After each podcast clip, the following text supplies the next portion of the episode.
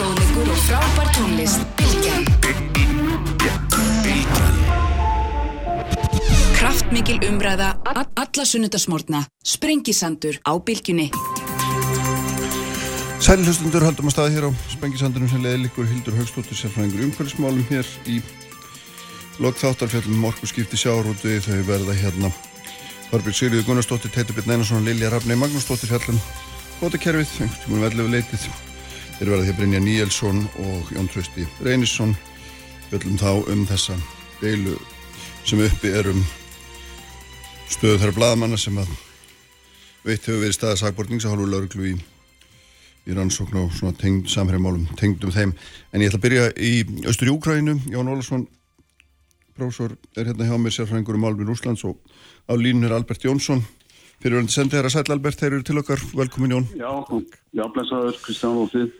Sælir báðir hérna uh, byrja hérna Albert hérna aðeins hérna þú ert aðeins fjær í landinu en fylgist vel með eins og alltaf hérna uh, einhver átökur byrjuð þarna austur hér ánum eftir því sem hann er skilst og síðan var þessu öryggisrástefna í gæri munn hérna sem að Sjelinski uh, fórsetráðra Úgrænu uh, flutti nú Forseti, já. já, fórseti fyrir já, flutti nú hérna mikla ræðum, hann vildi efnastvinganir hæfu strax og, og þetta var svona ákall getur miklu sterkar heldur en verið hefur og, og svona, ég veit ekki, erum er við farnir að tellja niður daga, Hva, hvað segirum? Hvað finnst þér, hvað heldur Já, sko, ef við lítum yfir þetta, það var þrjár vikur síðan við vorum saman. Að, að ræða þetta, sko, það er alveg greinlegt að líkur á, á innrás að hafa aukist, það, það er bara augljós og ekki endilega alls er að innrás í Úkrænu, það kemur ímislegt að greina ábyggilega í, í þessu efni en, en líkurnar hafa greinilega ekki, það, það er bara augljós, liðsafnaðurinn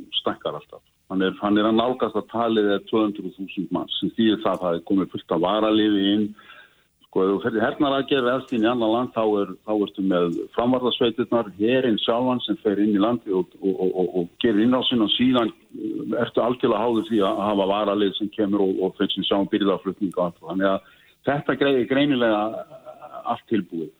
Og við sjáum líka fullirðingum bandaríkjaforsita að það er þessar steflingar list, þetta er ekki bara listsafnaður, hann er í steflingum sem benda til þess að það sé hægt að fara í innrás mjög fljótt eftir að ákvörðum um það verður tekinn og bandaríkinn hafa mikla burði í að fylgjast með svona.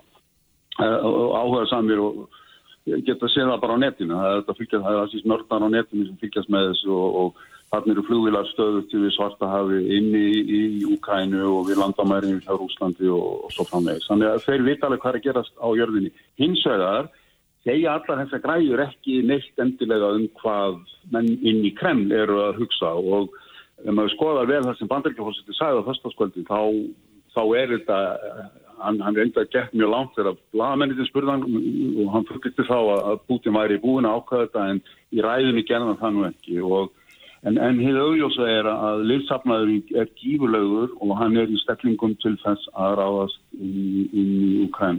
Annað sem er rétt að taka fram strax, ég gerði það held ég fyrir kemur vikum að sem fyrr stefnir ekki í stríðin við NATO, ég heyri það á fólkið sem ég tala við og maður ekki óttast að við séum að fara að vendi styrjöld sko, NATO-inn við Rúsland.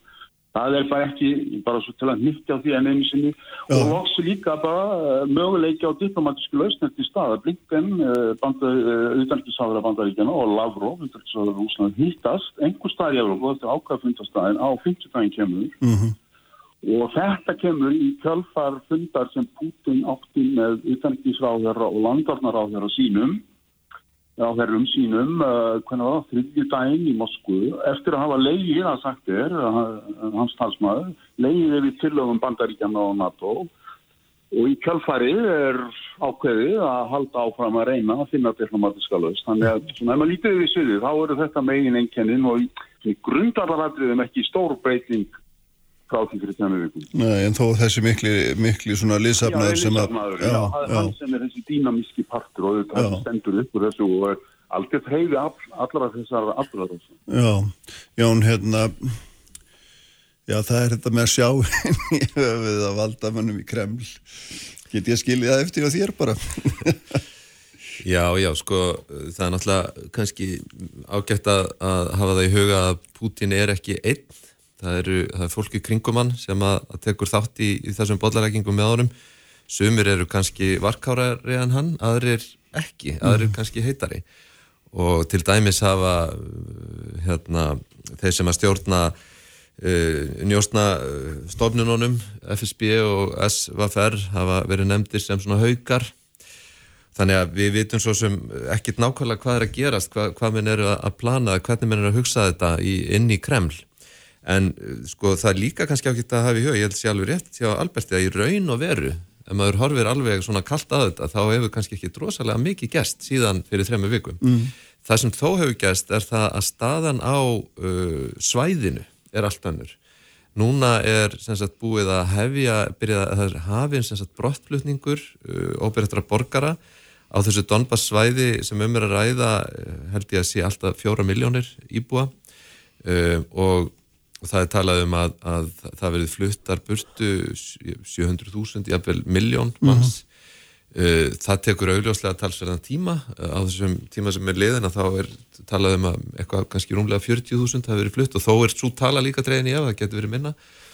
Á sama tíma þá er, er, er, er að, frásagnar af bardögum inn á svæðinu Uh, uh, og, og sem sagt sagan sem sögð er í rúsneskum fjölmiðlum er svo að Úkrænuherr sé að undirbúa mikla innrás inn á svæðið.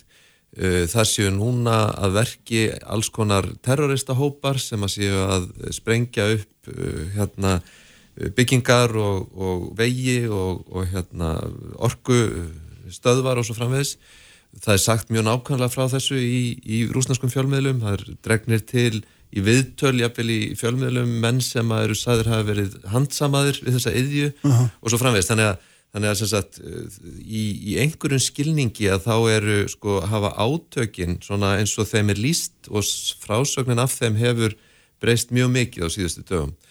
Og, og ég held að, að, að sko við, minna, er, við, við erum að spyrja allar, allar Putin sér að ráðast inn sko? Eh, það, spurningin sem er verið að halda að uh, almenningi í Moskvu og, og, og nú myndi ég taka líka fram að, að ég held að sé alveg, við getum alveg gengið út frá því að fjölmiðla umræðin er að miklu leiti stýrt. Mm -hmm.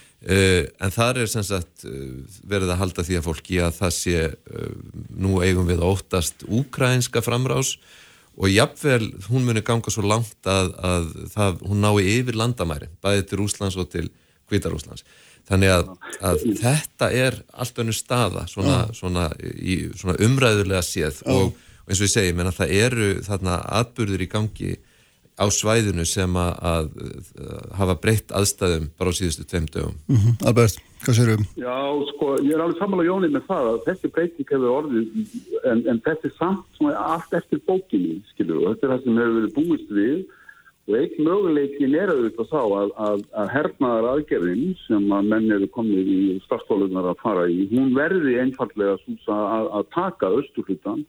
Það er mikil þrýstingur og vaksandi þrýstingur á rúsneska þinginu um að það verði farið í svona georgíska útgáða af þessu. Það er að segja að viðkenna slæðið sem aðskina sinnarnir hafa ráða yfir og uh, Putin er eftir á blamarfundinu með kanslar Þískaland og sagði hann að það þið skulle hafa þetta í huga þetta eru þingmenn og bálum flokkum og ég verði að hugsa þetta mál og svo framvegið þannig að, að það er einn möguleikin í þessu að, að, að viðurkenna uh, Donbass svæðið sem bara uh, sjálfsagt ríkið þess vegna.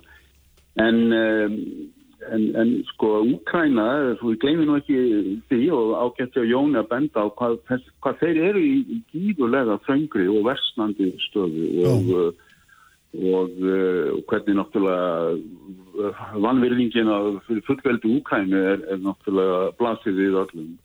Og svo skulum við líka muna að þetta snýst ekki bara um Úkrænu, þetta snýst um Evrópu, öryggismáli Evrópu, þetta snýst um NATO, Evrópasambandi og, og margar hluti. Þannig að um, og ræða Selenski sítja, hún var mjög áhugaverð sko hann auðvitað harmaði sem er ekki óvart veikleika í stefnu NATO-ríkjana sem lítur af því svo hann sagði bara hreint út Akkur getur við ekki sagt fyrir fram hvað við ætlum að gera já, já. ef að við láta til skara stíga og þetta er sko svona fælingakenning að hún setur ákveðin skilir við varðan til trúerðuleika skiluðu þið að anstæðingunni viti nokkvæmlega hvað þú ætlir að gera. Já, þeir, hann vildi sérst að þeir já, þannig- tíunduðu menn hafa viðskipta farið í- þvingarinn sem þeir ætluðu að beita. Já, Já. Þannig að hann var að harma þetta og, og ég held reyndar að þetta sé, eins og ég sagði á hann, það stendur upp úr þessi liðsafnaður og kröfur rúsa og allt það, en, en það hjálpar ekki ef að, ef að, ef að eh, menn telja veikleika hinnum einn. Já, sko, ég, ég held að, að, meina, þetta er hérna, þetta er svo skemmtilega flókinstaða, sko, og opinn mm. Um, og, og ég held að eitt til dæmis sem að, að skiptir miklu máli er það hvernig uh, sko trúverðurleikin varðandi þvinganir. Og eitt af því sem að manni sínist að, að sko sétaldið ofalega í huga uh, í Moskvu er uh, sko hugmyndinu það að Vesturlönd þau geti ekki farið í mjög harðar efnaðastvinganir vegna þess hversu illa það kemur niður á þeim sjálfum. Og, og, það, Putin treystit alltaf á þetta og maður sér það svona í ummælum hans um, eins og um Nord Stream hálf hlæjandi þegar hann segir sko, ég menna gerið þið svo vel, lokiði fyrir þetta og borgiði miklu, miklu herra orð fyrir orkuna Já. þetta, hann veit manna best að, að hérna pólitískur órói út af orkuverði getur verið ríkalega, hérna, haft ríkalega rafleðingar. En eh, sko ef maður er að, að, að, að spá í þessa möguleika á stríði, sko, þá held ég að þessi ágætt líka horfið mitt á, eins og Albert nefndi, horfa á þessa sjálfstæði spurningu, vegna þess að hún er mjög svona, svona sérkjænilega, sko. Nú er það þannig að þegar að, þegar að rúsar viðurkendu sjálfstæði Suður Ossetíu og Abkasíu, þá var verið að viðurkenna sjálfstæði sagt hérraða sem að höfðu líka innan Sovjetríkjana haft svona formlega sjálfstjórn. Bæði Suður Ossetíu og Abkasíu voru sjálfstjórna héruð innan Georgiu á Sovjettímanum. Þetta eru líka þjóðir, Ossetar og Abkasíumenn eru, eru þjóðir sem er ákveðin rétt á þessu landi. Þannig að, að það, var, það var svona viss lógik í að, að viðurkenna sjálfstæðir og hægt að vinna með það. Rússar hefur aldrei farið að ráðast reyn og yfirtaka þessi svæði. Þetta er ekki tilfellið með, með Donbass. Þar er, uh, þar eru, ég meina, það er engin munur í sjálfu sér á rússum og úkrænumennum þjóðarnislega séð og Putin hefur nú gert mikið úr því já. Þannig að þar er ekki, það er ekki etnískur þáttur sem að það er til staðar. Uh, Þessi hér eru algjörlega ný til búin, þessi, þessi svæði, þetta er hluti af þessum Danetsk og Lugansk héruðum sem eru á valdi aðskilnaða sinna sem að rússar hafa auðvitað haldið uppi aðskilnaða sinna hefur aldrei geta haldið þessu nema vegna þess að rússar Já. hjálpa þeim Bakkaðu, já. og, og það ef að, ef að Putin færi að viðurkenna þessi svæði þá er hann að stíga skref sem að er því gríðarlega erfitt fyrir rússa að vinda ofan af þá eru þeir búin að stopna þarna nýjar sjálfstæðar eininga, nýjar sjálfstæðar ríki og þurfa að gjör svo vel að standa við það Já. það Já. er ekki, ekki neitt sérstaklega aðlandi fyrir rússa þannig að held ég að sko, það þurfi mjög mikið að gerast áður en menn stíða það skref og, og ég held að þetta, þessi yfirlýsing hún hefur fyrst og fremst kannski það markmið að bæði að Putin hafi þetta upp í hendinni að gera þetta því að það myndi vissulega veita ákveðu lögmæti hans, ef að rússar færi þá að vernda þessi svæði og passa þau Úkraínumönnum. sitt eigið fólk, já. En á já. sama tíma að þá, þá er, er það hugsanlega að spilla langtímamarkmiðum uh, hva, innan Úkrænu. Þannig að, þannig að sko, Jón, þetta er öruglega eitthvað sem á eftir að skipta Já, mjög miklu máli Já, kláraði, já. í mjög miklu máli í sko viðræðunum sem að Albert er að tala um í Já. þessari viku Já, hvað Og- segir, já, og ég, ég held ef, að- ef að rúsa stíða þetta skref þá er þetta massum að þessu algjörlega komnir út í, út í hotn sko. aha. Hvað segir þú, Albert? Já, sko, það er búið að vera mikið rennir í til Moskvu. Það er Macron og hafa Íslands kanslari og fleiri og mér fannst það þessum heimsóknum, þessum ferðalögum að ferðalega Macron lang áhugaverða. Og hann var alveg greinilega að, og, og sagði það hreint út eftir fundin og að, að þetta snerist allt um Minsk samkominlega. Og hann fór fyrst til Moskvu, sko, talaði þá, svo fór hann til Kív til að setja þrýstinga á, á Úkrænum. Sjúld Og þetta eru allir sammála. Það eru allir sammála um það að Minsk, það verður að leysa þetta samkvæmt hérna, Minsk. Úkrænum er þetta Minsk sammála því, skilur þau.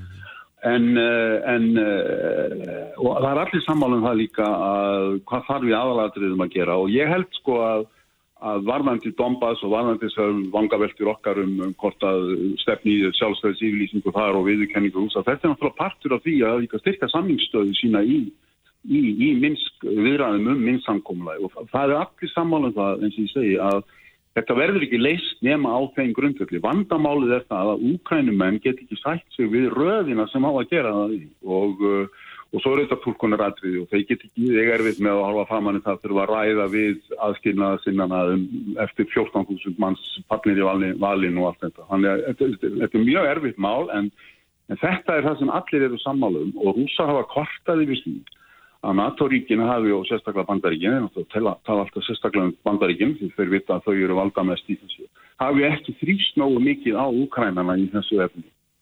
Og það var alveg greinlegt að Macron var í svona leiðangri. En sína var fundur í þessum fokkarlega Normandi hópi, hvað tveim-tveim dögum eftir að Macron var í Moskva, hann leiktið ekki neins. En það var að reyna aftur eftir mánaðamóti í, í þeim hópi, þannig að að Minsk er þarna alltaf út í kanti og, uh, og það er, er konsensus um Minsk. Og meiri sér úkrænar er inn á fjend að skrifa þeir upp á það sínu tíma. En þeir eiga mjög erfitt með að frambyggja. Mm, mm. Hvað með sko, hérna, eitt sem að mann, sér að mann er mikið að velta fyrir sér að, að tilgangur Pútins á eitthvað með öðrum þræði að veikja samstöðu Vesturlanda sá svona torturnis fræm og millir og svo framvegis en, en hans í gengi svo langt að þau séu raun og verið fann að þjapa sér miklu meira saman heldur en áður var sko. Já, sko... Já, það var bara eftir að reyna á það. Sko. Já, já, já, en Þann sko það má líka kannski spurja sig, uh, er, er, er, er Putin búin að styrkja stöðu sína eða veikja stöðu sína eða já, er rúsna stjórnveld búin að gera það? Og, og, og, og þegar maður horfir á kommentatora sem er að skrifa, spekinga sem er að skrifa þessi mála, þá fær maður alveg ólíksvör. Sumir halda því fram að að hann sé komin í líkilstöðu og geti í rauninni bara daldið stjórna atbyrðarásinni, aðri sé að það sé þverjöfugt og ég held kannski að, að hérna, um, það er einmitt þessi, þessi hugmynd um vestræna sundrungu sem að ef maður marka má aftur umræðuna innan Rúslands mm. er það aldrei sterk þar að segja það er mjög mikið, það er reyndar aðeins minkað upp á síðkastið en, en til dæmis í síðustu viku og vikunni þar aður þá var gríðarlega mikið verið að fjalla um meiningarmun og skoðanamun og, og svo framvegis og ég held að rúsar hafi kannski orðið fyrir ákveðnum vonbreyðum með hversu samstæðan virðist trátt verið allt vera mikil en þá. En það er alveg klást mál að, að, að Putin uh, telur að uh, það sem að gæti sem sagt, breytingar sem gæti orðið á orkuverði og orku uh, hérna, aðgengi í Evrópu vegna efnahastfingana það muni hafa ríkalegar pólitískar afleðingar og, og þetta skiljimenn og þess vegna munu Eh, efnahastvingar reynar aldrei verða þar að segja ef þar verða ná að beita til að býta mm. þá býta þar ekki síður uh, hérna Vesturlönd sjálf. Uh, og til þess að þau gerir það ekki þá þurfa þær að vera það linar að er muni ekki skipta það mjög málu og svo líka aftur eða ég má að ræður Selenskis í minjan í gerð og það eru ekki smálar ástöfna sem hann er að harma þetta hvernig það er staðið að að sko í rauninni það sem menn eru þá að tala um eru ekki það sem kallaði er í bransanum fælingaraðgerði einhvern til að aftra rúsum frá því sem það er alltaf að gera heldur er í rauninni að bara tala um refsjaðgerði eftir að allt mhm. gerði og, og þá er að menn eftir ná samkómalegin það allt heila klopp og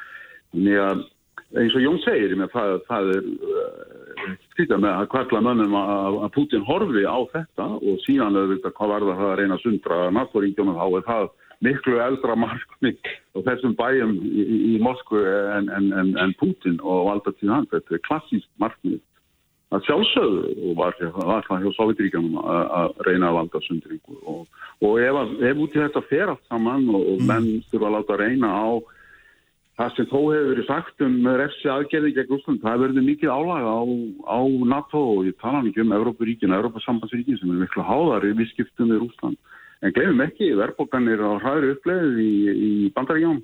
Já, er sko það sem er náttúrulega eins og við, þið komin aðeins inn á áðan er þetta, þetta það er þetta, þetta sjálfstæðismál Úgrænu sem er einhvern veginn svona middebillin í þessu getur maður sagt sko að því að Vesturland geta náttúrulega ekki sagt sig við það að, að, að, að hvað segir Albert? Glimt ekki kröfum í rústaða öðru leiti já, já, já, og, og þetta er ekki bara Úgræna Nei, nei, en, en, en, en samt sem áður þannig að mena, það er einhver krafa hálfur svona þess að vestræðna lýra sig ekki að segja það að Úgræna getur sjálf dráðið í hvort hún vil vera í, í NATO eða einhver öðru og það munir rúsar aldrei samþykja og, og við munum heldur aldrei samþykja að þeir verið þvingaðar til, eða úkrænum er þvingaðar til þess að halda sér frá NATO, ég veit ekki að... En sko nú er, er, er NATO aðild úkrænu sjálfu sér ekki... Hún er ekkit á dagsfjörn, nei, akkurat. Og, en, en það má vissulega taka undir það að, að sko þetta mál sem við erum að horfa á í dag, það ásýrðu þetta langan aðdraðanda og það er ekki hægt að neyta því að Vesturlönd ber ákveðna ábyrði því sambandi bussið frá því hvort að það er nú eitthvað hægt að halda því fram að því hafi verið lofað á sínum tíma hérna á snemma á tíundaratöknum að NATO stakkaði ekki sem að er verið að rýfast um líka mm en ég er þá sérstaklega hugsun 2008 þegar að, að bústjórnin, þetta er áður en, en fyrir kostningarna 2008 að bústjórnin í rauninni tekur því mjög vel og NATO tekur því mjög vel þessum svona þreyfingum um að Georgi og Úkraina verði NATO aðilar mm. og þetta setti náttúrulega alltaf annan endan í Rúslandi á þeim -huh. tíma og er að hluta til skýringin af þessum gríðarlega hörðu hernaðaraðgerðum og, aðgerðum rúsa í Georgiu 2008 og þetta eru þetta ennþá að, að bergmála. En ég held að við verðum samt líka að gera greina mun á, á þessum langtíma skýringum sem að ég held að mig alveg kenna, eins og ég segi, NATO og bandaríkjumunum um og síðan því sem er að gerast í dag. Mm. því að sjálfsögðu er það á endanum þannig að, að Vestran ríki geta ekki viðurkjent neitt annað heldur en vilja ríkjana sjálfra sem þeir eru að tala um og, og það að að það sé verið að, að semja um Úkrænu, bandaríkjaman og rússar sé að semja sína með um Úkrænu ja. en náttúrulega algjörlega óviðegandi í, í alþjóðapolítisku samhengi nútímans. Já, já, já. Ég menna, getur það verið að það sé á baku tjöldin, Albert? Eða er þetta bara, eins og sumir segja, bandarískur hergagniðna að æsa upp til þess að hérna, í einn þá það er eina, eina kenningur sem að les. Nei því sem nú algjörlega komið í ljós og skipt og kvitt og klart í þessar atbyrðarásaldri eru að banda ekki að fórstætti og Frankótt Söri NATO að líst yfir alveg kvitt og klart eins og ég segi að mm. það er ekki að hafa einn herrmaðlega afskipti af Úkræni ef það verður ekki innráðs þá eru Úkrænum en uh, einir að báti. Mm -hmm og ég minna þar með er náttúrulega bandaríkja fórsitt að segja að Úkræna skiptir ekki nóg miklu máli fyrir þjóðar er ekki saksminni bandaríkjana, ekki snart mm. og ef hún gera það ekki núna minna hún gera, gera það eftir 10 ára eða 20 ára og þá Úkræna eins og Jón er að benda á þetta er ekki í alvöru, það er það ekki. Og ákvörðum 2008 minna það var mikil andstaða innan NATO við hana og hún var uh, bara inn í gegn af bústjórninni áverandi, menn brettar, frakkar þjóðar voru algjörlega á móti þannig að um, en menn eru auðvitað í ákveðni klemmu með þetta en uh, þetta hvernig er þetta að leysa það er, er flókimál, það er verið að tala um hlutleysi í Úkrænum, akkurat Úkræn er að trista því og svo framvegð þannig að þetta, þetta er mjög snúið. En það, það er náttúrulega bara hérna svona, ef við kannski lúkum þess að það er nótum að sko, það er náttúrulega óðsmannsæði að fara í svona opi stríð og, og það, maður sér ekki að það gagnist nokkru manni sko, þannig að það er svona Nei, sko, ef við erum að hugsa um uh, bara öryggiskerfi mm. það öryggiskerfi sem við þekkjum þá gagnast það einhver manni, en við skulum segja að það sé einhver Putin sem að telur að sér, sér hagið því að, að rinda þessu kerfi á einhvern nátt sko, þá erum við náttúrulega komin í annað hagsmunumat mm og ég held að eitt af því sem að gerir eh, svo, sko eigur svo mikið hættuna á einmitt þarnaðaráttöku núna og innrás er einfallega þetta að uh, rúsar hljóta að hugsa með sér Úgræna er á leið til vesturs. NATO ekki NATO, það skiptir ekki máli. Hún er á leið til vesturs, hún er að verða bandalagstjóð vestrætnaríkja, hún er á leið frá Rúslandi, hvernig má stöðva það? Og uh, sko það er mjög líklegt að uh, það að fara í hernaðaraðgerðir, ef þú ætlar að gera það annað borð hvernig er það betra að gera það heldur en núna? Mm. það er aldrei stór spurning og ég held að hún skiptir máli í, í ákvörnatöku rúsa Samála þess Albert? Já, ég meina markmið, aða megin markmið eða að tala um eitthvað megin markmið rúsa er að ná að halda, að ná frekar í tökum á Ukrænu og þeir hafa marga leði til þess aðrar en reyndar innráð en uh, En uh, já, já, í grunninn eins og Jón segir, minna þá er langtíma þróunin þessi í augum manna í Moskvu með réttu öða röngu og þeir eru augljóslega að reyna að streytast gegn henni. Mm. En uh, innrás, alls er innrás í Úkrænu er nú bara, menn kannski, er það kannski horfa á landakorti, Úkræna er stort land og svo framvegis, þannig að ég hef ekki trú að því að alls er innrás sem að komið til sögu heldur að verði miklu minni aðgjert. Já, og þú hefur samt trú að verði einhver aðgerið eða eitthvað? Já, það er alltaf líkur á því. Já, finnst þér það Jón? Er, Það, er, það er bara þannig. Já, ég, ég, Lífsarmaðurinn og einkenni hans og allt það. já, já, Það þarf eitthvað mikið að gerast á hennum diplomatiska vettvangi til að staða það. já, En mér, alls er að innráðs, það finnst mér aðvaróli. Ég, sko, ég, ég er sammála því að það er, það er byrjaður uh, mjög svona skýr undirbúningur fyrir almenningsálitið í Rúslandi að, að taka við þeim fréttum að það hefði reynst nöðsynlegt að fara það inn en, en sko, og þá myndi maður halda að, að þessi svona takmarkað aðgerð að taka austur héröðin eitthvað, eitthvað slíkt væri, væri að minnstakosti svona það sem að fyrsta kastið væri verið að gera, ekki meira. Ég, það er erfitt að ímynda sér að, að þarna fari massíft herlið uh, af, úr heræfingum í Kvítaróslandi bara bent uh, söðu til Kíef og taki hana. Já. en sko með að við uh, það sem að svona ef maður horfir á umræðina þá held ég að það sé ekki hægt að útiloka neitt í dag já, já, herri, Ég, ég, ég er sammála því og Já. ég, ég held ég að við sagt það í lokinu um daginn hjá okkur. Þetta er mjög alvarlegt og mjög hættulegt mál. já, já, ég held að það sé hár rétt munna hefur að þarna og það er svo sannlega ekki hérna ekki dreigið úr þeirri spennum síðustu þrjár vikurnar. Herri, hérna ég þakka ykkur fyrir báðum uh, við skulum vona að þetta fari nú ekki allt á, á vestaveg sjáum hvað gerist hérna, takk Albert fyrir að vera með okkur og Jón, takk fyrir að koma Takk Sjálfsagt. sömuleiðis. Brynja Níelsson og Jón Trausti Reynisson eru hér fjöllum þá um allt annað mál sem að er þessi staða fjóra bladamanna sem sagbortningar í málum sem tengjast fréttaflutningi af, ég hef ekki kallað svona hlýðar ánga samherjamáls. Fréttir þjóðmál og pólitík. Sprengisandur á bylgjunni. Kraftmikil umræða alla sunnudaga. Sprengisandur á bylgjunni. Sælir aftur hlustundur, Jón Olsson, Albert Jónsson farið frá mér eftir bolleggingan um stöðuna við landamæri Úkrænu og allir samálum að þar hafi nú heldur svona quest uh, búið að flytja þangað mikinn liðsafnaðan svo sem engin veit nákvæmlega hvað hvað gerist. Uh, Það fjalla hér um orkuskipti sjárúti í lokþáttar, fjallum hérna um kvotakerfi eftir um 11 leitið en ég ætla að fjara hérna í mál sem að mikið hefur verið til umræðu undanfarnar daga, það er auðvitað svo stað að fjóri blaðamenn hafa verið kallað til yfirherslu og lögurlun akkuriri þeir hafa það stöðu sakbortnings og virðist nú vera fyrir að hafa skrifað fréttir upp úr gögnum sem að fengust úr síma starfsmanns samherja eða svona ef ég skil þetta málum allt saman rétt. Jón Tröstur Reynisson sem er framkvæmstjóra stundinni og Brynja Níelsson aðstofað með dómsmálur er hérna komnir. Eh, það er nú svona misjant hvort menn telli þetta stormi varslesi eða bara mikilvægt líðræðis mál og þú hefur nú verið svolítið að svona, draga úr mikilvægi þessa Brynjar og hérna finnist þetta sjálfsagt í lögreglu meðan að margir aðrir hafa svo bygg kvæljur yfir því að lögreglan skuli hérna kalla blaðamenn inn sem gefa stöðu sakbortninga fyrir að sinna störfum sínum eins og það er kallað. Og í gær náttúrulega frestaði, voru yfir heislum frestaði yfir, yfir þeim vegna þess að hérna, uh, beður eftir því að það ekki að hérastómun Orlands taki tillit til þess hvort að þessi uh, leið sé samkvæmt lögum ef ég skil þetta mál þá er það þar núna og, og beðið eftir, eftir hérna, við þurfum að þess að ræða hvað, hvað er hérna á segði ef þú, hérna Jón Trösti, því, það er, er það ekki í þínum huga augljóst að þetta stendst ekki lög eða hvað að, að gera þetta með þessum hætti? Jú, ég menna það sem Brynjar og Bjarni Bindingsson formaður mm. sjálfstæðsflokksins hafa verið að, vera, hérna, halda fram er að, er að e, þeim, þessum blaðmannum ber í raun að, að fylgja þeirri stöðu að vera, vera sagbortningar að hérna, þetta sé í rauninni allt samkvæmt hérna, áætlun, allt eins og á að vera. E, við erum náttúrulega ekki verið að halda því fram að við viljum ekki fylgja lögunum að sjálfsögðu.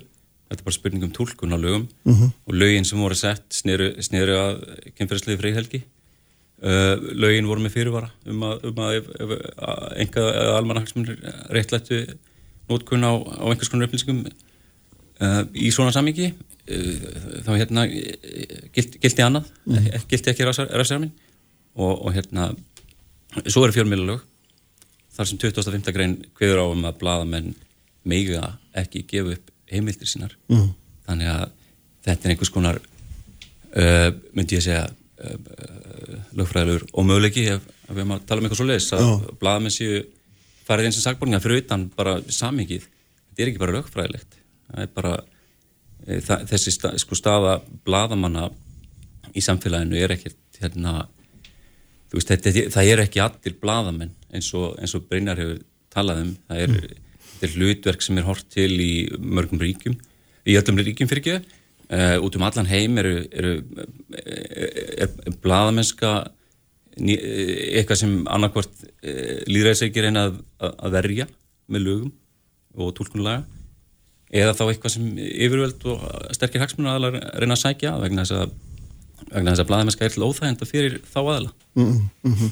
og þessi, þessi skýrta þá er þessi lög sem voru sett ára ekki 2020 Við fjallaðum, fjallaðum, 21 á fjallaðum, fjallaðum hérna hvernig maður nýta gögg sem er rafræn gögn, einhverjum einhver sérlega er þetta nú í kynferðsbrótamálum og það er þessi sérkabli sem fjallar um, um það að þessi lög eigi ekki við þegar að... Menni, þetta var kynnt í fyrra sem, sem svo tilöfni lagasetningarinn er aukist afrænt kynferðsópild í íslensku samfélagi.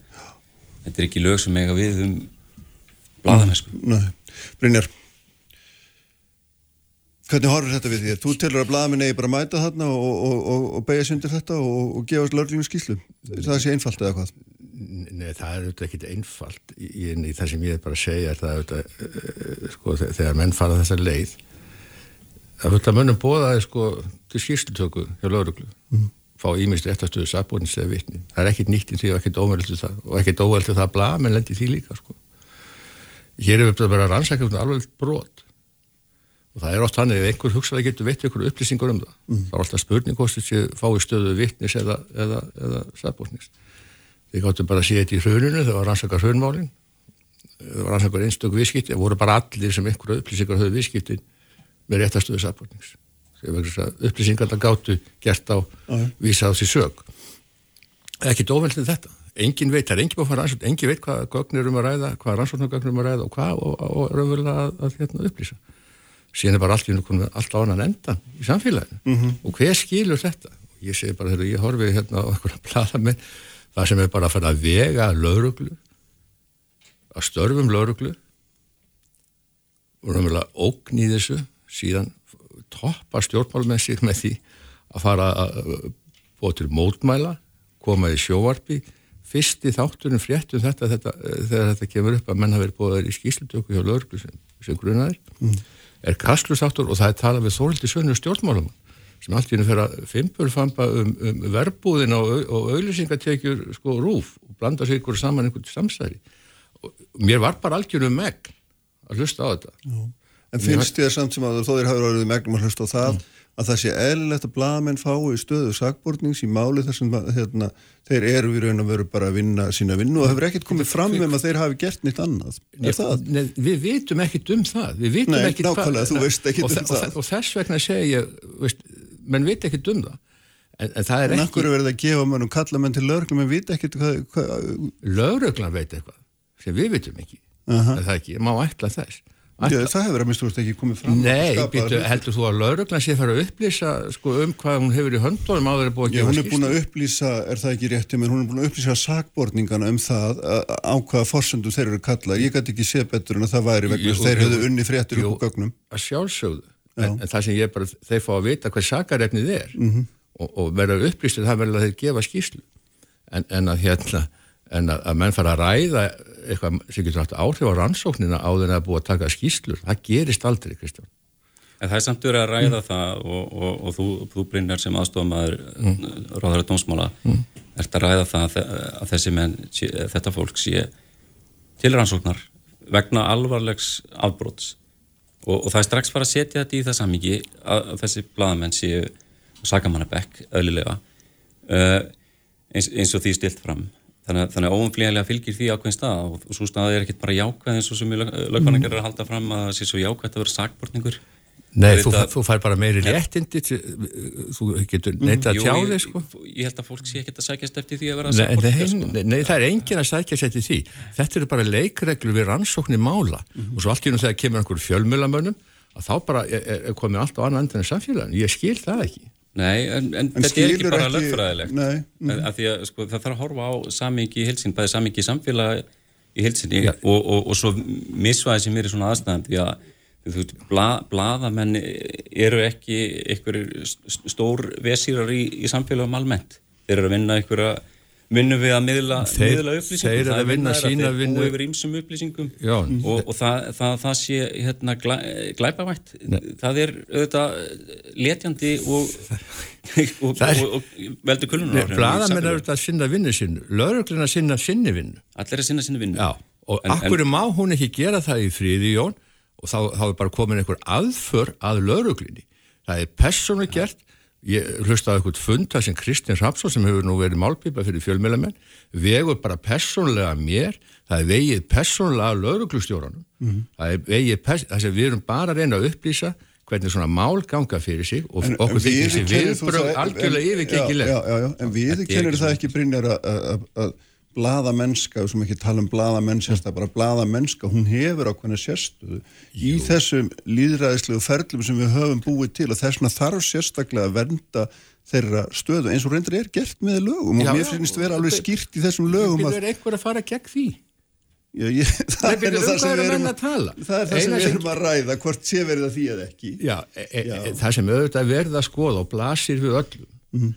er það að hvort að þessi fjölumilamenn hafi gert eitthvað í þessari í þessu máli mm. sem varðar við lög.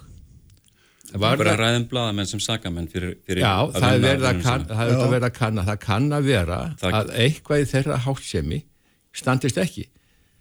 Þa, þá er ég ekki að segja að, að, að hérna að lögin, það er náttúrulega lög um fjölmila, það, er, það eru lög um hvernig menn geta Það er með upplýsingar í almannaríminu Já, já, já. Við, við höfum enga ástæðis að fara gegn því, þetta er bara rannsókn á sagamáli og auðvitað getur fjölmilamæður eins og hver annar verið einhvers konar hlutildamæður, samverkamæður eða aðalmæður þess vegna mm -hmm. í einhverju broti.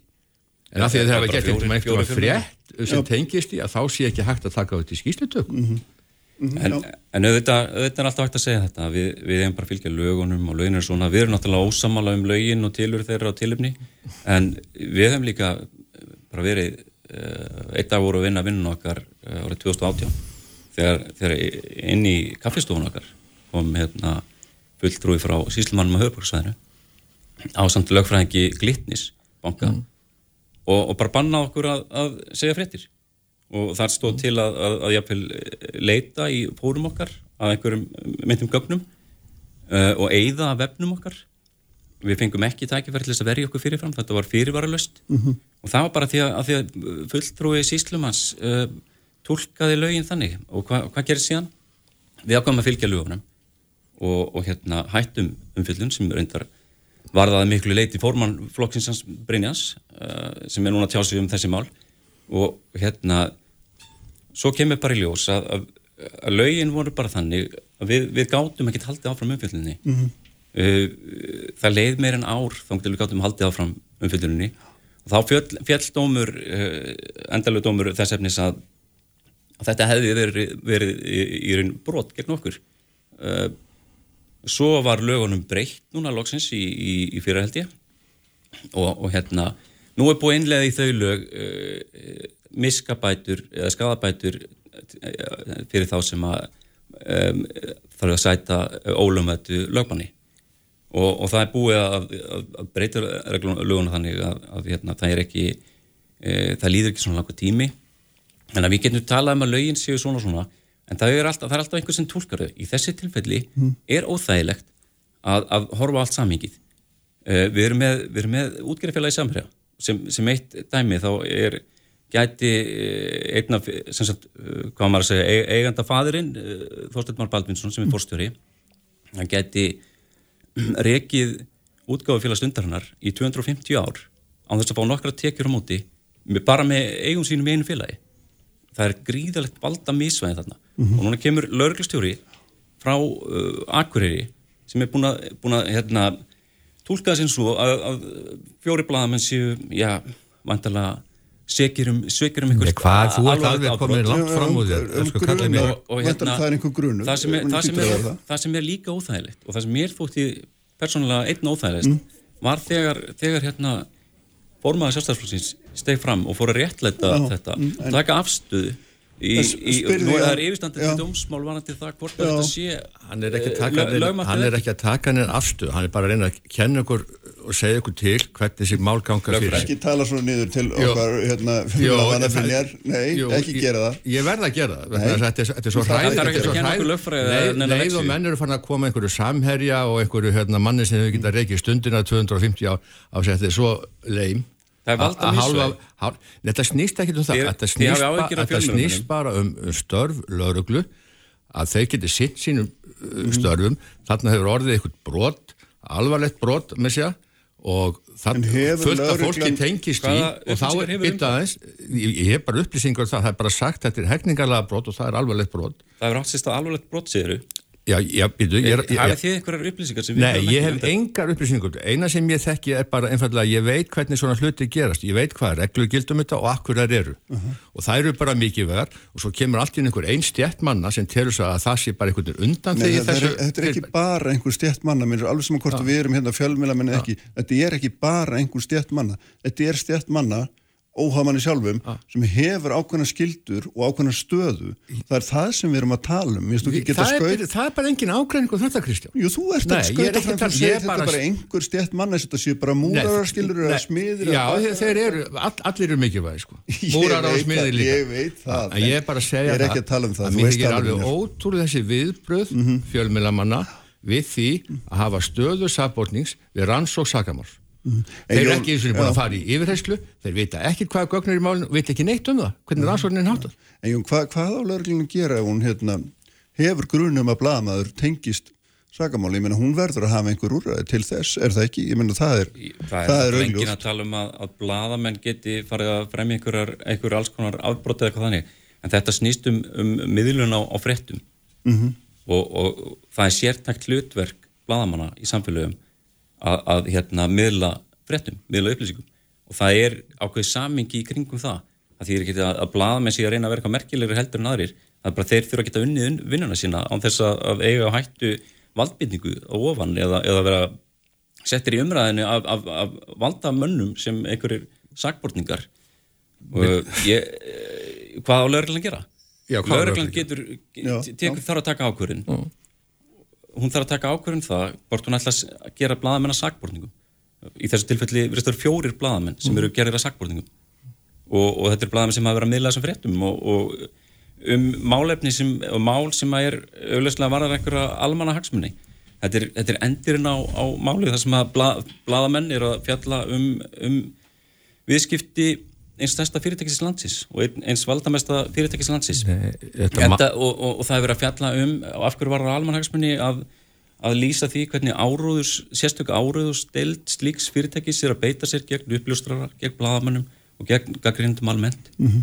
Hvers vegna, það má alveg ræða það að við, við getum alveg búist tekið einhver umræða það en, en ég held að flesti séu sammála því og þeir sjálfur reyndar samherri báðust afsökunar á því hvernig þeir gengur fram í þessu máli og þetta er aldrei svona einfalt. Og þegar það hefur verið að ljóstra upp um, um eitthvað sem hefur farið uh, afvega í, í, í samfélögum und- undir yfirbornu þá er yfirleitt alls konar hlutir sem eru þar sem hafa farið afvega. Býtu, Jón, þetta má snýst bara um það að það, að það er stólin síma að hálf meðendulu sem manni ef ma- ef maður skilur þetta rétt og afrita gögnin. Það er brot. Það er sakamál. Þú ert að lýsa málinu af meiri þekkingu heldur Nei, en ég hef það, á nei, nei málinu. það, það er verið að tala um það hefur brot á fríðhelgi einhverju sem hefningarlega brot og, og, og, og svo hefur komið fram að þessum síma hafi verið stólið og hafi verið afrið úr um gögn. Þetta, þetta er eina sem Það er- liggur fyrir í málinu er það ekki Jón? það er og er eitthvað óverið við það að þeir sem hafa þá greinlega haft þessi gögn undir höndum og nota þau að þeir séu út í það Nei, finnst, alls finnst, ekki finnst ég það Nei, óverið? nei, Það er hægt að spyrja alls út í ekki, það en það er líka hægt að, að setja menn í, í, stöðu sakbortnings Já, já, það, það er hægt að Og spyrja og ákveðið. svo er hægt að, að, að draga menn inn á, á skrifstofu og setja þessu stöðu sábúrning. Það er, það er tvent ólita mínum að allavega. En býta að spyrja að, að, að þú segir að svo símastólu úr úr um gögnum hérna, öll stærstu fréttamál síðasti ára, Mossad Fonseca, Wikileaks, Já, já. hérna, Snowden og svo framvegs og framvegs, Watergate, þetta er allt stólinn gögn. Já. Þetta er allt gögn sem eru fengið með innan gæslappa óheðalegum hætti en við sem samfélag, við samþykjum að þau séu byrt vegna þess að þau varða almanhag, ekki satt? Og það er það sem að það, þetta líka er náttúrulega snýst um ágreinsefni hlýtur að snúast um það hvort að gögnin hann hafi verið þess eðlis. Ég ekki á þessu stíði mási þetta má snýst einfallega bara um rannsók löruglu og við erum komið langt fram úr okkur allir umræði með það. -hmm. það snýst bara um rannsók löruglu hvort að eitthvað brot hafi verið frammi ég, sko það er engin ágreiningur að gilda okkur reglur með byrtingar og svo framvegis. Og, og það er mjög eðlilegt að fjölmenn getur byrt gögn þó að einhvers það verið fe illa fengin af einhverjum. Já, já. Það skiptir allt máli hvernig það er gert og hver gerir það svo framvegis. Þannig er verið að rannsaka það. Þetta er svo sára einfalt. En það er búið að búa til einhvern ótrúlega einhverja aðför og einhvert samsæri og, og, og, og svo er að blanda sko hérna samherja inn í þetta og svo framvegis. Þetta er bara ástæðan fyrir þetta að rannsaka þarna á Norðurlandi eistur að vekna brotið að framið þar. og síminn tekið þar? Eða a, a, a, maður á heimilar eða hvað sem það er? Já, og, og, og, og að við- því er að einu bara. Já, svo, svo vitum við ekkert um þetta. Nei. og svo eru menn bara komin hérna í sjónvarp og í kastljós og út um allt og, og vega lauruglu og hér sé bara góðverlegt og svo búið að blanda hérna einhverjum uh, allir flokkarnir komin í þetta. Það er þetta sem ég er að gaggrina og Það mér er langar sé ekki vegja blaðamennunum en þú ert ekki hérna til þess að vera blaðamenn.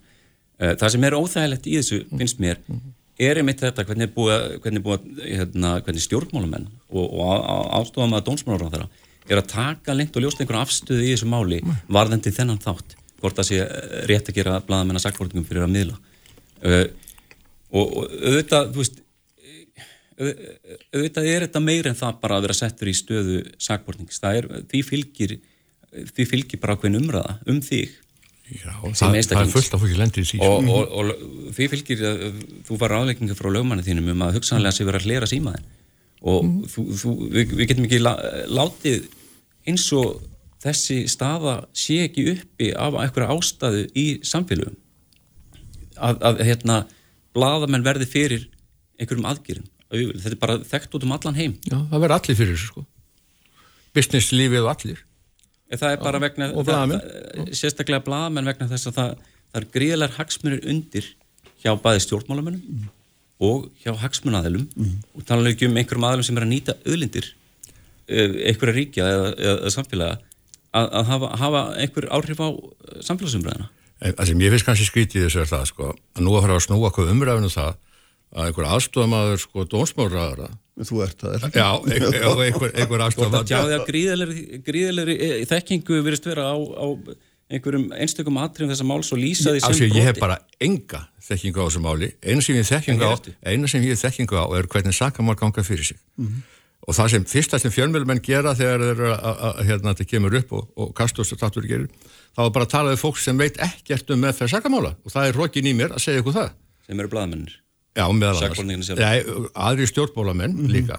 Eru, svo, hérna, ég horfi á þessa aðför gagvart lauruglu sem heyrir undir dórsmálur á þeirra og mér finnst bara rétt og skilt að segja við blaðamenn og fjölmælamenn þeir eru algjörlega villikvöld með þessar umræðu og, og, og, og sorglegt að sjá hvað hún er yfirgengileg, hvað hún er sjálfhverf og, og hérna og, og, frekjan alveg, hún, Já, hún bara nýsti mann inn að beini, Kristján. Já, já, allt í lagi. Skýrðu, skýrðu þetta orð aðför. að, Aðför er, er gaggrín er eitt en aðför er náttúrulega eitthvað allt annað miklu stærra, ekki þegar þú það? skipuleggur sérstök mótmæli En það gerði nú bara í ræðst, Þetta, já, já, menn byrja að skipulegja ræðst, ræðst að, að hérna ræðst að lauruglustjórunum persónulega, Mhm. Dregur hann persónulegni í þetta, er náttúrulega bara embætti sem er að rannsaka þetta, dregur hann persónulegni í þetta.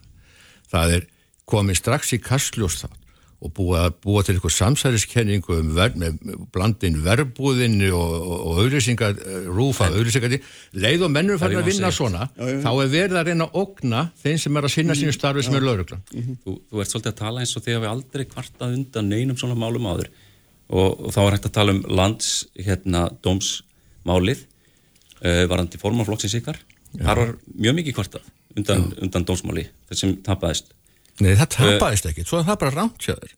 Allavega, það, það, það, það, fjall dómur gegn honum og, og, og það var ekki refsing vissulega, en það var já. stjó, brota stjórnaskra og, og, svo tapaði hann fyrir mannætti dómstæður í öðru lagi landsréttarmál þar sem dómsmálar á þeirra var talin hafa brotin, fundir segur um að brjóta stjórnstíslug þá var mjög mikið kvartað, er það ekki veist, þetta, það, það er eins og við blaðamenn ein megum ekki ræða um það að við séum algjörlega ósamála beitingu lagana Þið með Þið ræða. Þið ræða Þið alveg það endalust. Þið með bara þið ræða eigið ekki lögin. Nei, en það eina sem við erum að tala um að það sé bara farið eftir leikreglunum. Þessi menn eru að vinna si- sitt starf og þau eru bara að fá að gera það í En- ekki- svo, svo, svo, svo kemur öll þessi aðför og, og menn dregnir inn í það persónulega þetta finnst mér bara vinnubröð er- sem fjölmjöla menn er- ekki leif sér. það er bara mín skoð aðför að, að bladamönnum í, í, í, í umræðinni það sé ekki samsæðiskenningar gegn bladamönnum þú, Jú, veist það, þú ert að vittna í margar Já, nei, nei ég, ég er bara að tala um aðförna gegn lögreglur, tala um aðförna gegn grunnstóðum samfélagsins. Ég er bara almennt í heimsögunni eða bara í samingi alls heimsins miklu minni áhyggjur af stöðu lögreglunar heldur en stöðu bladamennsku því að bara sagan sínir að, að það er tilöfn til? Þið eru svo sjálfhverfa að hála væri nú sko, erum ekki afgreðað svona jó, jó, sko, það, Þetta blasir svo við. Nei, býtu, við erum að tala um algjör grundvallar atriði sko. Ekki skauta fram því með að segja við sem svo sjálfhverfa Ég er nákvæmlega að tala um Það er að vísa óþægilegt fyrir okkur að vera að tala um blað sko, að því við vinnum sjálfur já, já, ég átta mig á því, skil það. En við erum að tala um grundvallar atriði hvenar málega erum til almennings? Hvaða hérna, aðferðum má beita? Akkur erum við að tala um það kringu þessa rannsók Ég, það, það er bara önnur umræða. Nei, það er bara önnur umræða. Nei, að að að hafa nýtt þessi gögn. Það hafa þeir sjálfur sagt og spurt eftir og þeim er sagt það. Já. þess vegna tala ég um það. Nei, er, Jú, þeir, nei þetta er bara rann Kristján. Þeim, þeim hefur ekkert verið sérstaklega borið að brín að hafa bara, hafa bara nýtt þessi gögn þeir væru ekki sábórningar að mínu viti, mm -hmm. ef það var eina atrið í sem átt. Er, er ekki bæði Þóruðsnær og aðsteinn sagt þetta ofnvel, er ekki rétt um mér? Hafa þeir verið, hafa þeir, þeir hafa, spurt, hafa þeir farið í skiltöku? Þeir hafa spurt að því hvers vegna er ég með stöðu sábórning, svo fengi þessi svör. Nei, þeir fengu þau svör vantarlega, eins og sá, ég sá mm. einhverstaðar, að það verið að vera rannsaka brot mm. á fríðhelgi engalufsins. Þeir nú bara vitna ég þá sjálfa, ég hef ekki, ekki séð það sjálfur, ekki fyrir hvernig þú. Nei, með þetta mál farið að snúast um, um svolítið fleira. Það, það, það eru líka bara, er bara nokkur ár síðan, síðan það var lögumál sem varðaði innanríkisrandi að hérna, þar sem að eh, kom berlega fram að dómsmálaráðara sem er úr sjálfstæðarfloknum var að beita stöðum þrýstingi á lögurstjórnu höfbruksæðinu sem, sem sagði sagði af sér, sagði, sagði upp, upp stöðu sinni mm. vegna þrýstingsins. Mm. og þess vegna skiptir líka máli að stjórnmálamenn séu ekki að kynna undir einhverju rannsókn á, á bladamönnum eða einhverju beitingu valds sem heyrir undir þá gegn bladamönnum og það er ekki út af því að við erum sjálfhverf bladamenn, bara, við, við erum bara að reyna að verja, verja okkur hérna.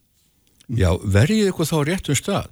Verjið ykkur. Ef, ef, ef, þessi rannsókn líku síðan og ef menn hafa ekki brotið þetta af sér þá fellur bara máli niður eins og þúsindur annar að mála hverju ári. Já, ég held að, ég, ég held að þú, veit, þú veist alveg að, að samfélagi þó þeir séu lögfræðingur og horfið á með þeim gleru þá, er, þá er, er samfélagi svolítið meira heldur en bara þessi lögfræðilegu gleru þar sem við erum grunlega algjörlega ósamála um, um hlutina en uh, það þarf að horfa á þetta í víðara samhengi. Já, gerum það, við getum auðvitað rættið í víðara samhengi og farið bara alveg yfir dassama hvað fjölmjölamenn hluturskæðir og hvað er eiga mega en við erum bara ekki í þeir, þeirri umræðu núna, við erum bara þeirri umræðu að það er hér rannsók sagamáls mm. sem gengur eftir hefbundu leiðum og, og hérna menn eru bara bóðar og fá réttastöðu og svo er allt í nátt samfélag að koma að annan enda af hverju? Af því að þetta eru fjölmjölamenn mm -hmm. Ég er bara, bara, bara viðkynna ég Þetta kalla ég yfirgengileg að sjá hverju og frekju. Já, já, já, allt í lagi. Það er bara það sem ég er að segja. þess, já, Ég, ég veit ekki bara ég,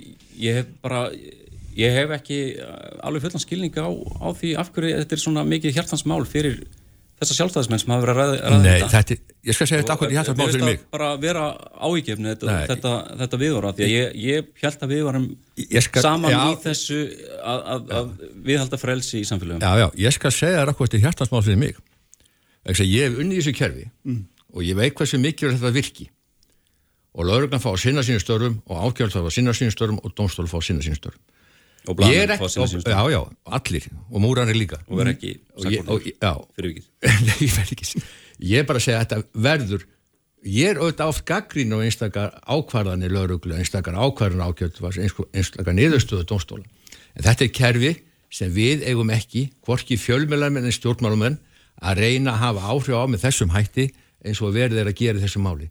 Og það er það sem ég hef ágjör af og það er þess vegna sem ég tekti máls þess að mér finnst þetta yfirgengileg viðbröð yfir engum en svo getur við tekið aðra umræðan um það mm -hmm. hvernig lögin ættu kannski að vera eða ættu til dæmis að vera bara algjörlega stikkfrí þó þeir jafnvel tækju sjálfur gögnin og frjálsir hendi og svo framvegis. Mm -hmm. það er önnur umræða. En það sem ég hefði að langar að spyrja Jón Tröstar af því að stundin er hér. Já er, eru þið með þessu gögn ennþá? Persónulega gögn þessar þessa skýrstjóra og eru með ennþá upp á skrifstofu og, og, og byrju lögrann getur ekki fengið skoða þessi gögn ef að fá dómsúsku sko. Svo kannski setja menni einhverju fjölmjölu með þessu gögn. Finnst mönnu það allt í lei ég spyr ykkur sko, fjölmjölu menn er, ertu með þessu gögn? Er þetta fullir? Er ég er að spyrja hvort þú sért með þessu gögn undir þínu vönd þú, þú, þú ert náttúrulega lögfræðmyndaður og Já, þú, þú veist að við hefum reglulega að vísa til 2050 greinar fjölmjölulega þar sem okkur er beinleins óheimilt að vera tjá okkur um gögn okkar ég ætla ekki að vera að láta draga mig inn í það Nei, ég spyr þið, er þið með þessu gögn eða þá undir höndum? Ég held bara að því að nú erum við alltaf að tala um hvað við erum að gera ráttina sem, sem bladamenn en, en þið ætti kannski bara aðeins að horfa í, í einn barn. með það hvernig þið eru að tjá ykkur um dómsmál og laurugluransnótt sem er yfirstandandi í samingi þessa alls. Menn það er mjög óþægilegt fyrir bladamenn að, að fá á sig hérna, valdhafa í, í, í svona umræði þið þurfið ekkert að gera þetta, þið þurfið ekkert að vera að ræða þetta. Og það er þegar óþægilt samingi þú, þú ert að tala um að lauruglustjórn er, er bara, bara sjálfstæðismæður, bara fyrirhandi, hérna, bæjarfæltur í, í, í, í Vestmanni, þar sem hún, hún held ég fram í bladavittal að hennar aðstæða tampmark var að, að sjálfstæðisflokkurinn fengi meiri hluta í, í bæjarfélaginu. Uh, og hér, ég vil ekki, ég vil ekki takmarka tjáningifrelsi þitt en að því að þú ert að ræða svona um, um að bladamenni ekki verið að verið hendur sínar umverla þá, þá, þá þú ert náttúrulega aðstofamæður dómsmálur á þeirra það, það er óþægilegt fyrir, fyrir viðfangsefni sakamáluransóknar að fá á sig Uh, slíka slík, hvað maður segja slíka valdhafa mm -hmm. í, í umræðinu og for, formaður sjálf, sjálfstæðarflokksins að, að, hérna, sem er að íja af einhverjum lögbrótum Brynjar sko, hérna að halda fram einhverjum nei, lögbrótum Nei, við hefum aldrei farið kvorki í enni formaða flokksins að ræða efnislega þess, þetta mál. Mm -hmm. við erum bara að tala um formið. Við erum bara að tala um formið hvernig leikarnir eru og nöðsend það er séu. Og að fjölmjölmenn eins og aðrir séu bara takið þátt í því. Ekkit undanskilja einni neitt það er bara það sem við erum að tala um efnislega vitum við ekkert um málið en mér finnst bara hins vegar svolítið skilt að mér sem sko afstofanir ráþæra og þetta heyrir undir ráþæra stofnarnir mm. að, að þegar þeir að vega að þeim þessum hætti að ég taki til Já. varna En ég má þá spyrja, Já, þú spurðir Já. mig uh, hefur ráþæran þinn mm. eða því aðstofamennir mm. uh, átt samtöl við lögurlistjóran og ekkuriri um þessa sagmálur hans? Nei, ekki ég. Og það myndi ekki hvarðla mér, ég er ekki svo vittlus og ég myndi fara að ræða við hann um þessara sagmálur hans Þú kannast ekki við að ráðherran hafa átt slík samtöl heldur? Ég hef ekki hugmyndu um það, ég hef bara ekki séð Bjarnar Bendisson um Ég hef ekki séð Bjarnar Bendisson bara mjög lengi. Nei, Bjarnar Bendisson Nei, ætla að tala um minnir á það? Já, er það ekki, já. Nei, ég veit ekki til þess að hann hafi rætt þetta mál við hanna mér þykir það ótrúlega ef ég myndi ekki vita það. Mm. hann ræðir öruglega ekki einstök mál til rannsóknar dórsmára á það að gera það í leikamálinu var ráð þeirra ykkar að gera nákvæmlega það aftur og aftur og beita þrýstingi. Þannig að ef, þú áttar þig ekki á óþægendunum fyrir bladamenn vegna ykkar tjáningar þá, þá kannski getur þið farið yfir þessu Já, við erum ekki að skipta okkur að einstökum málum, það er það sem ég held að menni að forðast. Mm -hmm. bæði bladamenn og, og fjölumilamenn þar sé að bladamenn eru sjálfur aðelar því máli og ég held að bara að, að það sé mikið eftir okkur öll að þetta kerfi fá að virka, fá að virka í fríði við erum alltaf þó með ákjörvald og dómstóla og endan vera dómstóla En kerfi mann alltaf ekki virka gaggrinslust við getum Nei, ekki sagt okkur við Já, við getum ekki sagt okkur við það gerir bara hvað sem er og menn sé bara pillaðir inn og teknir lífneislu og svo framvis við getum ekki sagt okkur það Það er miklu öðvöldar að gaggrina það þá eftir á sko vegna þess að menn vita ekkert núna. Þegar að búið er að rústa áspori manna með því að kalla á sábúrninga það það sem gerist það voru þúsundir manna eða hundruði manna sábúrningar ég þekki mjög marga þeirra því ég vann í banka og ég get alveg fulli sveðið það að þeim fannst það ekki þægilegt. Margir er að sátu þær í 6 og 7 ára og það hafa gert nokkur skapaðan hlut það er mjög vond að vara sábúrningur nákvæmlega. Ég ger ekki lítið úr því Ég þarf að koma fleira að. Já, mér finnst það ef við höfum að páa lengur. Já, það væri reyndar alveg hægt. Jón Trösti, Brynjar, takk fyrir að koma báða til. Það er aðeins hérna um kvotamál og eftir uh, Lilja Rafni, Teitur Björn og, já, og Þorbi Sýriður. Sprengisandur á bylgjunni. Þú? Sprengisandur, alla sunnudaga á bylgjunni.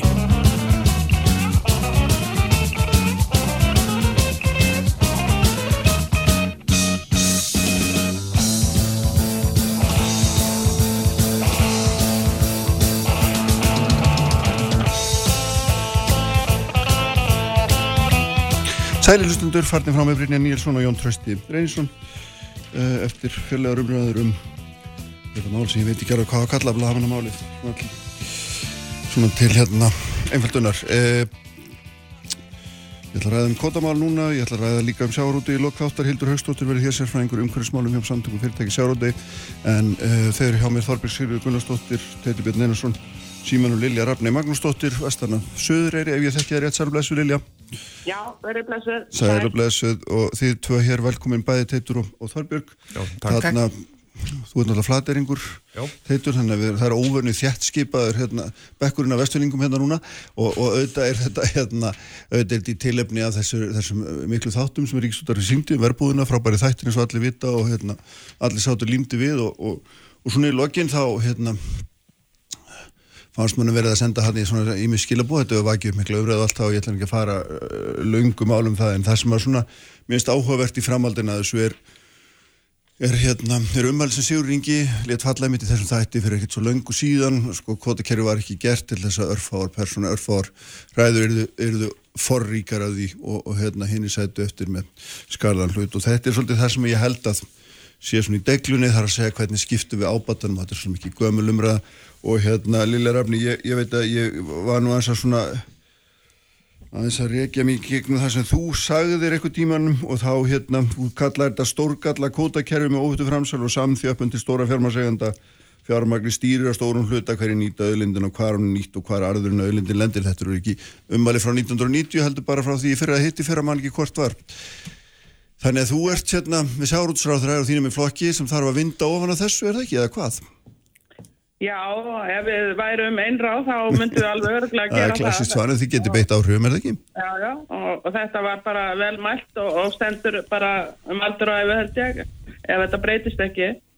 En uh, auðvitað bindum við mikla vonur við það að vera núna með þetta ráðanetti og ég veit að, okkar áþæra mun gera allt sem í hennar valdi stendur til þess að gera breytingar á kerfinu til réttlætis að þetta eru þetta búið að sína sig og sanna að þetta er óréttlætt kerfi og þessu auðsöfnun og samþjöppun er þetta einhvað sem menn kannski reknuð ekki með í upphafið þegar að- kvotakerfi var sett á og síðan framsalið og, og síðan veðsetningin til bankana og ég held að þessi veðsetning sem kom á þarna síðar hvað 96 að væri hægt að veðsetja óveitan fisk í sjónum að það gerði það að bankarnir hafa auðvitað bara hreðjartak á því að stjórnmálamenn séu að reyna að gera einhverja grundvallar breytingar á þessu óreittlæta kerfi sem hefur sínt sig að er að byggða fjandsamlegt og fyrir það fólk sem býr í þessu sjáarbyggðum að hafa ekkert neitt öryggið að fyrir sjáanleika.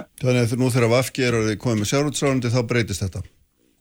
Ég ætla ekki að vera svo blái, svo blái sé að segja það því að við erum til samstarfi aðra flokka og það hefur nú ekki verið auðvelt að- snúa framsóknarflokknum með sjálfstæðsflokknum eins og var þetta að snúa guggunni hérna í verbúðinni við á punktinum. Svo að við vitum alveg að við erum þarna í samstarfi en við munum gera allt sem okkar veldi stendur til þess að- gera þetta kerfi réttlátari og vinna líka eftir því sem Nú er í lögum eins og koma stóra útgerðinu undir kvótatak og, og greina raunverulega eigundur og tengda aðila, menn að það er hægt að gera fullt af hlutum með, í þessu samstarfi en ég á ekki vona að það verði grundvallar breytingar til miður. Teitur, hérna, hvernig horfir þetta við þér? Nú er þetta ekki bara Lilja sem segir þetta og sjárótsráður var í viðtali á Ríksútarpinu í vikunni og talaði um eiginlega mjög svipað. Svo var Lilja Alfredsdóttir hér fyrir viku og talaði um að þyrst að hérna, leggja skatt á ofurhagna, nefndi bankana var mest í sviðslásin en hún talaði líka um útgerna, það fór nú fram hjá flestum hendar. Mm -hmm. Er að verða einhver kablaskil, einhver, breyt, einhver, einhver breytingar, hvernig lestu þetta?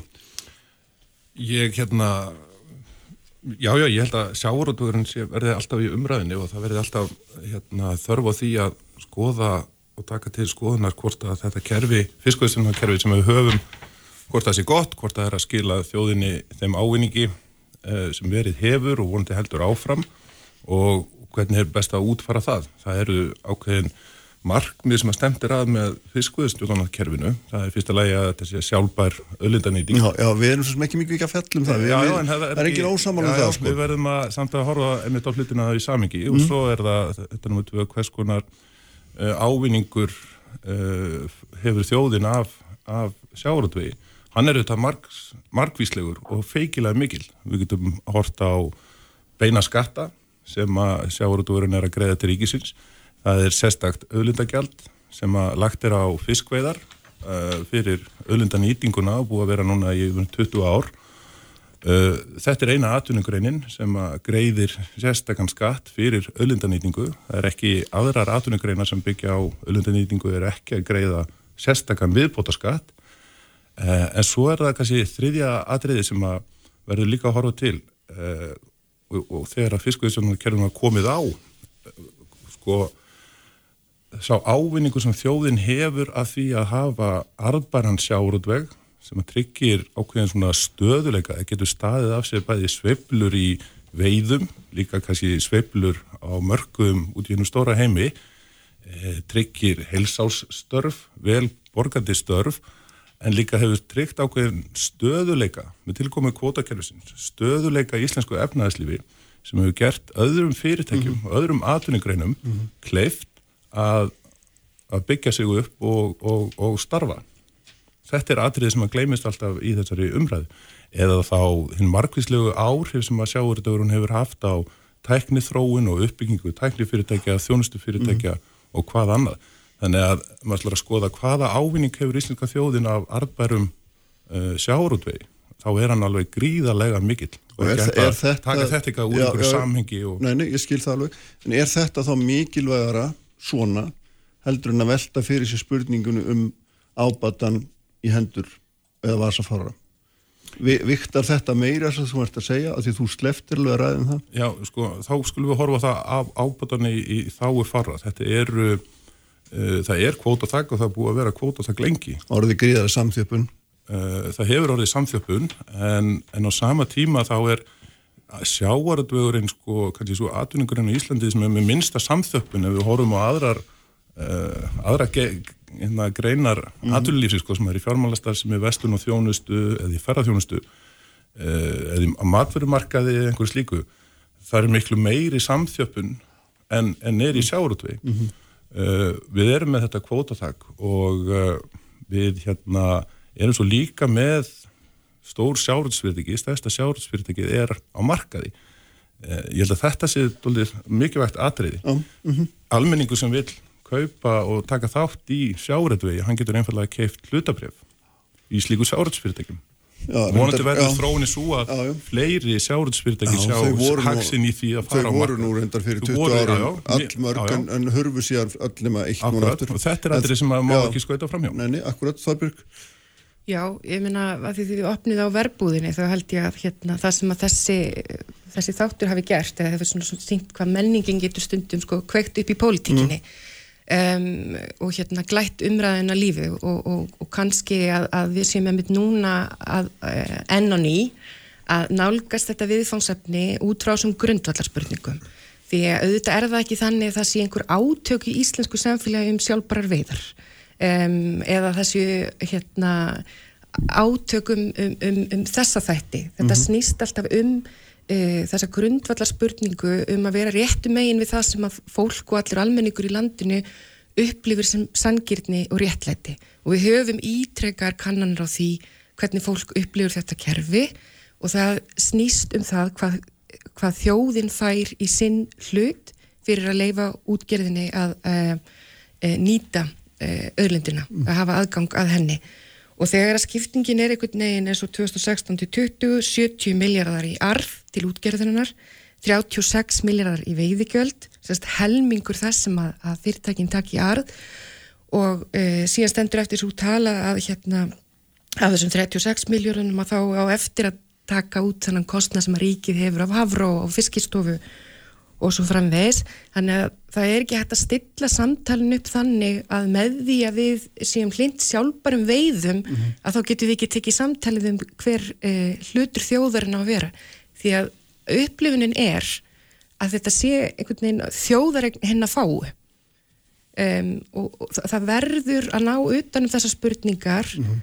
að það skapist meira réttlæti um það að hérna, nú, nú að dregur ekki nefa að nei, nei. greinin er að skila sköttum og gjöldum en veiðileifa gjaldið er eiginlega algjör bara, þetta er málamyndagjald þetta er eins og að þú leir þér einbillishús og, og borgi 50 krónar mánu það sjá allir, þetta er einhvern tengslum við peningarna að þannig eru undir, að það fyrir langtum, langtum, langtum stærri sneið til útgerðarinnar heldur en til þjóðarinnar allra og það er það sem ákallir snýst um mm -hmm. og það er það sem að deilan snýst um mm -hmm. og það er bara ekki þannig að þetta sé óleysanlegt vandamál. Lilja, þarna þú talaður um réttlætið þurft að hérna, koma til móts fyrir réttlætiskendi, menn hvernig sér þú það fyrir þér? Hvernig sér Já. þú það fyrir þér að það verið gert? Já, ég tel að, að réttlætið feilist ekki bara í því að, að hækka veiðigjald. Réttlætið mínu huga fælst í því að, að tryggja aðgengi komandi kynnslóða sameilur auðlind og nýtingu þessara byggða að auðlindinu sem er bara við bæjardirnar og því fólki sem þar byggir og, og byggði þar upp vegna þess að auðlindin var til staðar.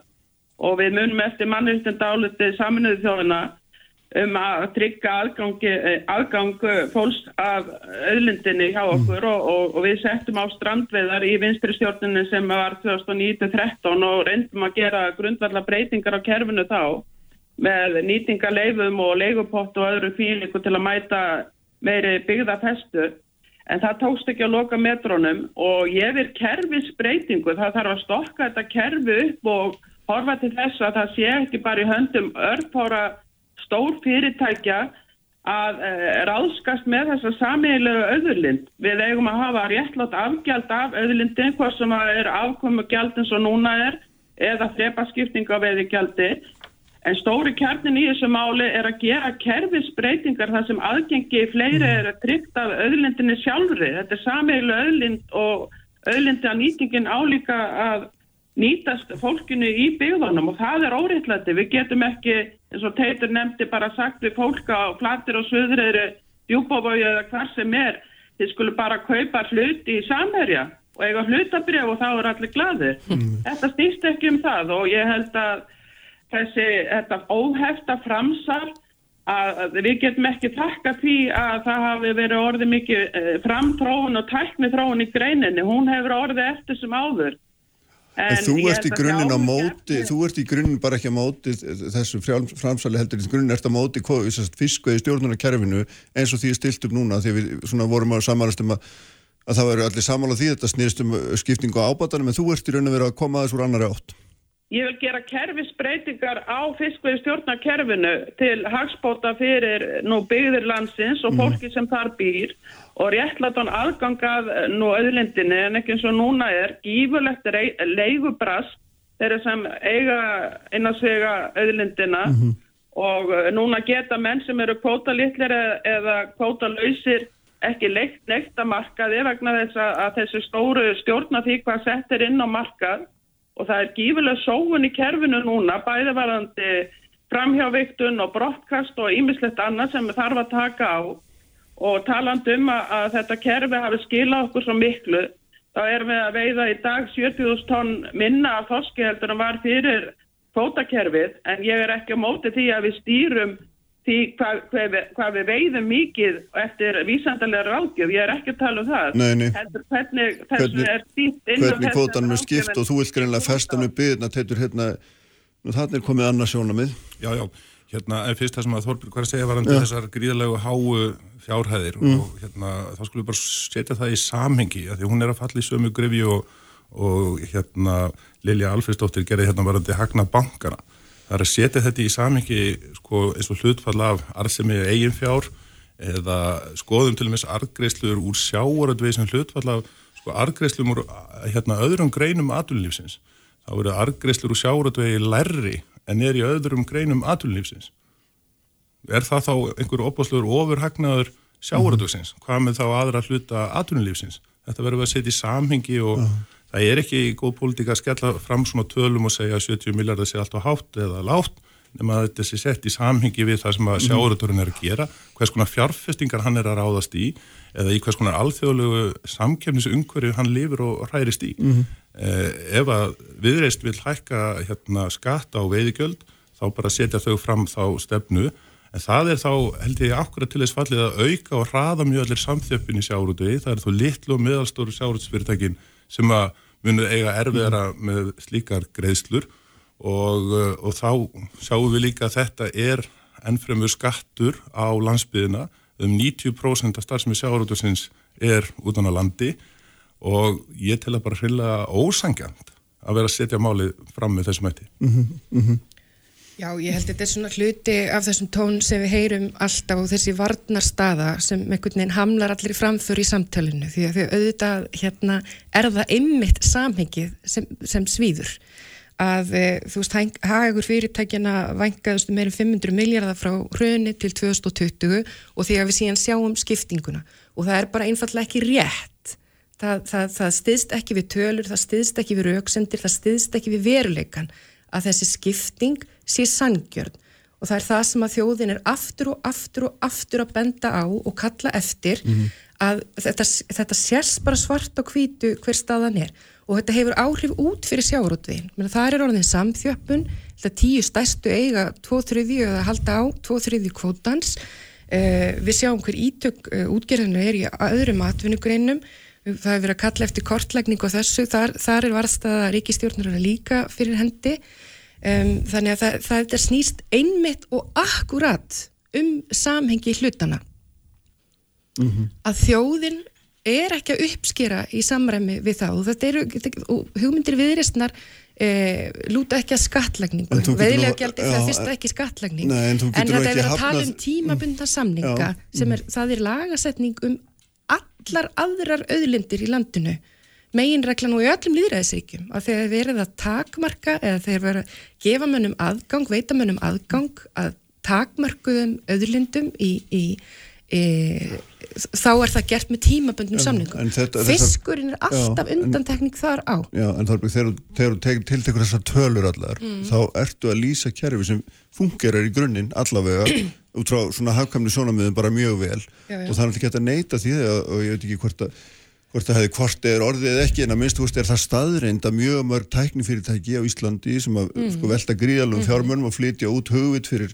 skriljónir mm. hafa blómstrað í nákvæmni við sjáarútveg og, og þetta er allt saman hlu, saman, sest, hangir allt saman einhvern veginn saman -hmm. að, En eftir stendur já.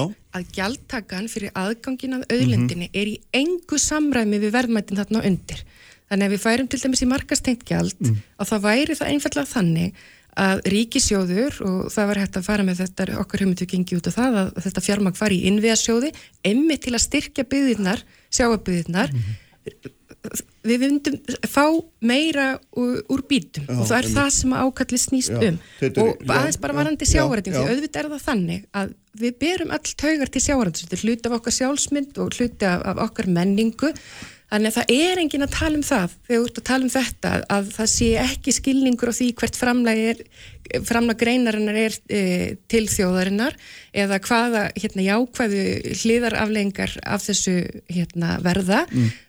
Bara átakapunkturinn er engungu þessi. Uh -huh. Hvers vegna eru veiðilega gjöldin með þessum hætti? Af hverju eru stjórnmálinn að ákveða það e, að, að sitja einhvert málamyndagjöld uh á aðgangin þegar það var hægt að lista með öðrum og heilbreyru þætti? Af hverju treystu við ekki markanum hér og svo annars þar?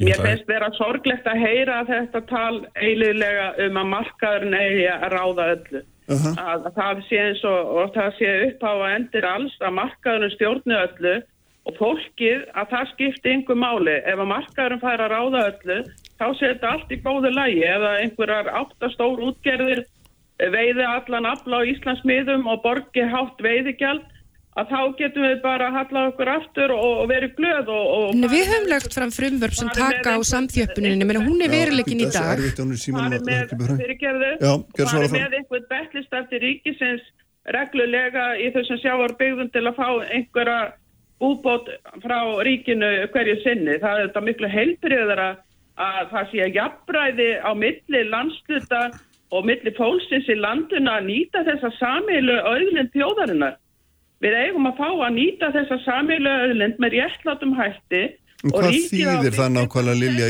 Lilja hvað, hvað þýðir það nákvæmlega? Þegar þú segir þetta, við eigum allega að jafna rétt, eigum við þá öll að eiga jafna rétt til þess að fara út að veiða, Ég, hva, hvað er raunum verið að segja?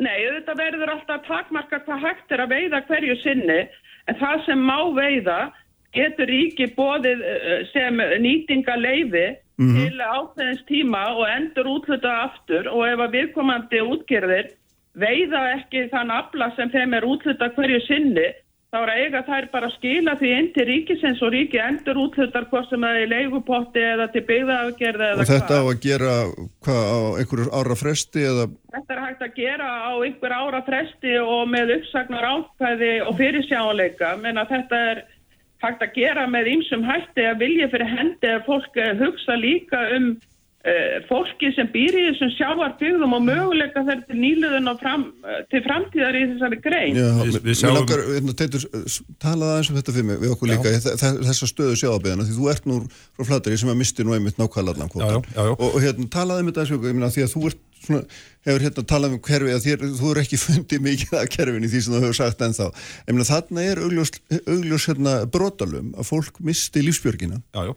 Hérna, þessi saga, sko, sjáarútvegs og atvinnusaga, hérna, þorpana er, getur sagt að verbúðin, þessi ágætu þættir, draga upp svona ákveðna mynd eh, og voru skemmtilegir og góður þættir, eh, en þeir eru kannski ekki góðir sem svona sakfræðileg heimild um það hvernig þetta átti sér alls saman stað. En ég ætla fyrst að nefna varðandi, eh, hér er verið að ræða um sko akkum ríkisins og, og stór millufæslu kerfi og viðrist tala fyrir hérna eh, þjóð, þjóðnýtingu aflaheimilda. Þetta er náttúrulega Að þá er bull, það að, veist að það. ríkið er einn staðsti Það er handhafi aflaheimilda með og þjóðnýtingar og 5,3 tala sem kölluturinn. Já. Ríkið er hérna einhver staðsti handhafi aflaheimilda með 5,3% af heldapottunum og við skulum það bara skoða hvernig ríkinu hefur gengið að útdeila réttlætinu með þessum 5,3% í byggða, byggðakvota, sérstaklega byggðakvota eða skjálfisk og hérna, rækjubætur, það bara gengið mjög illa.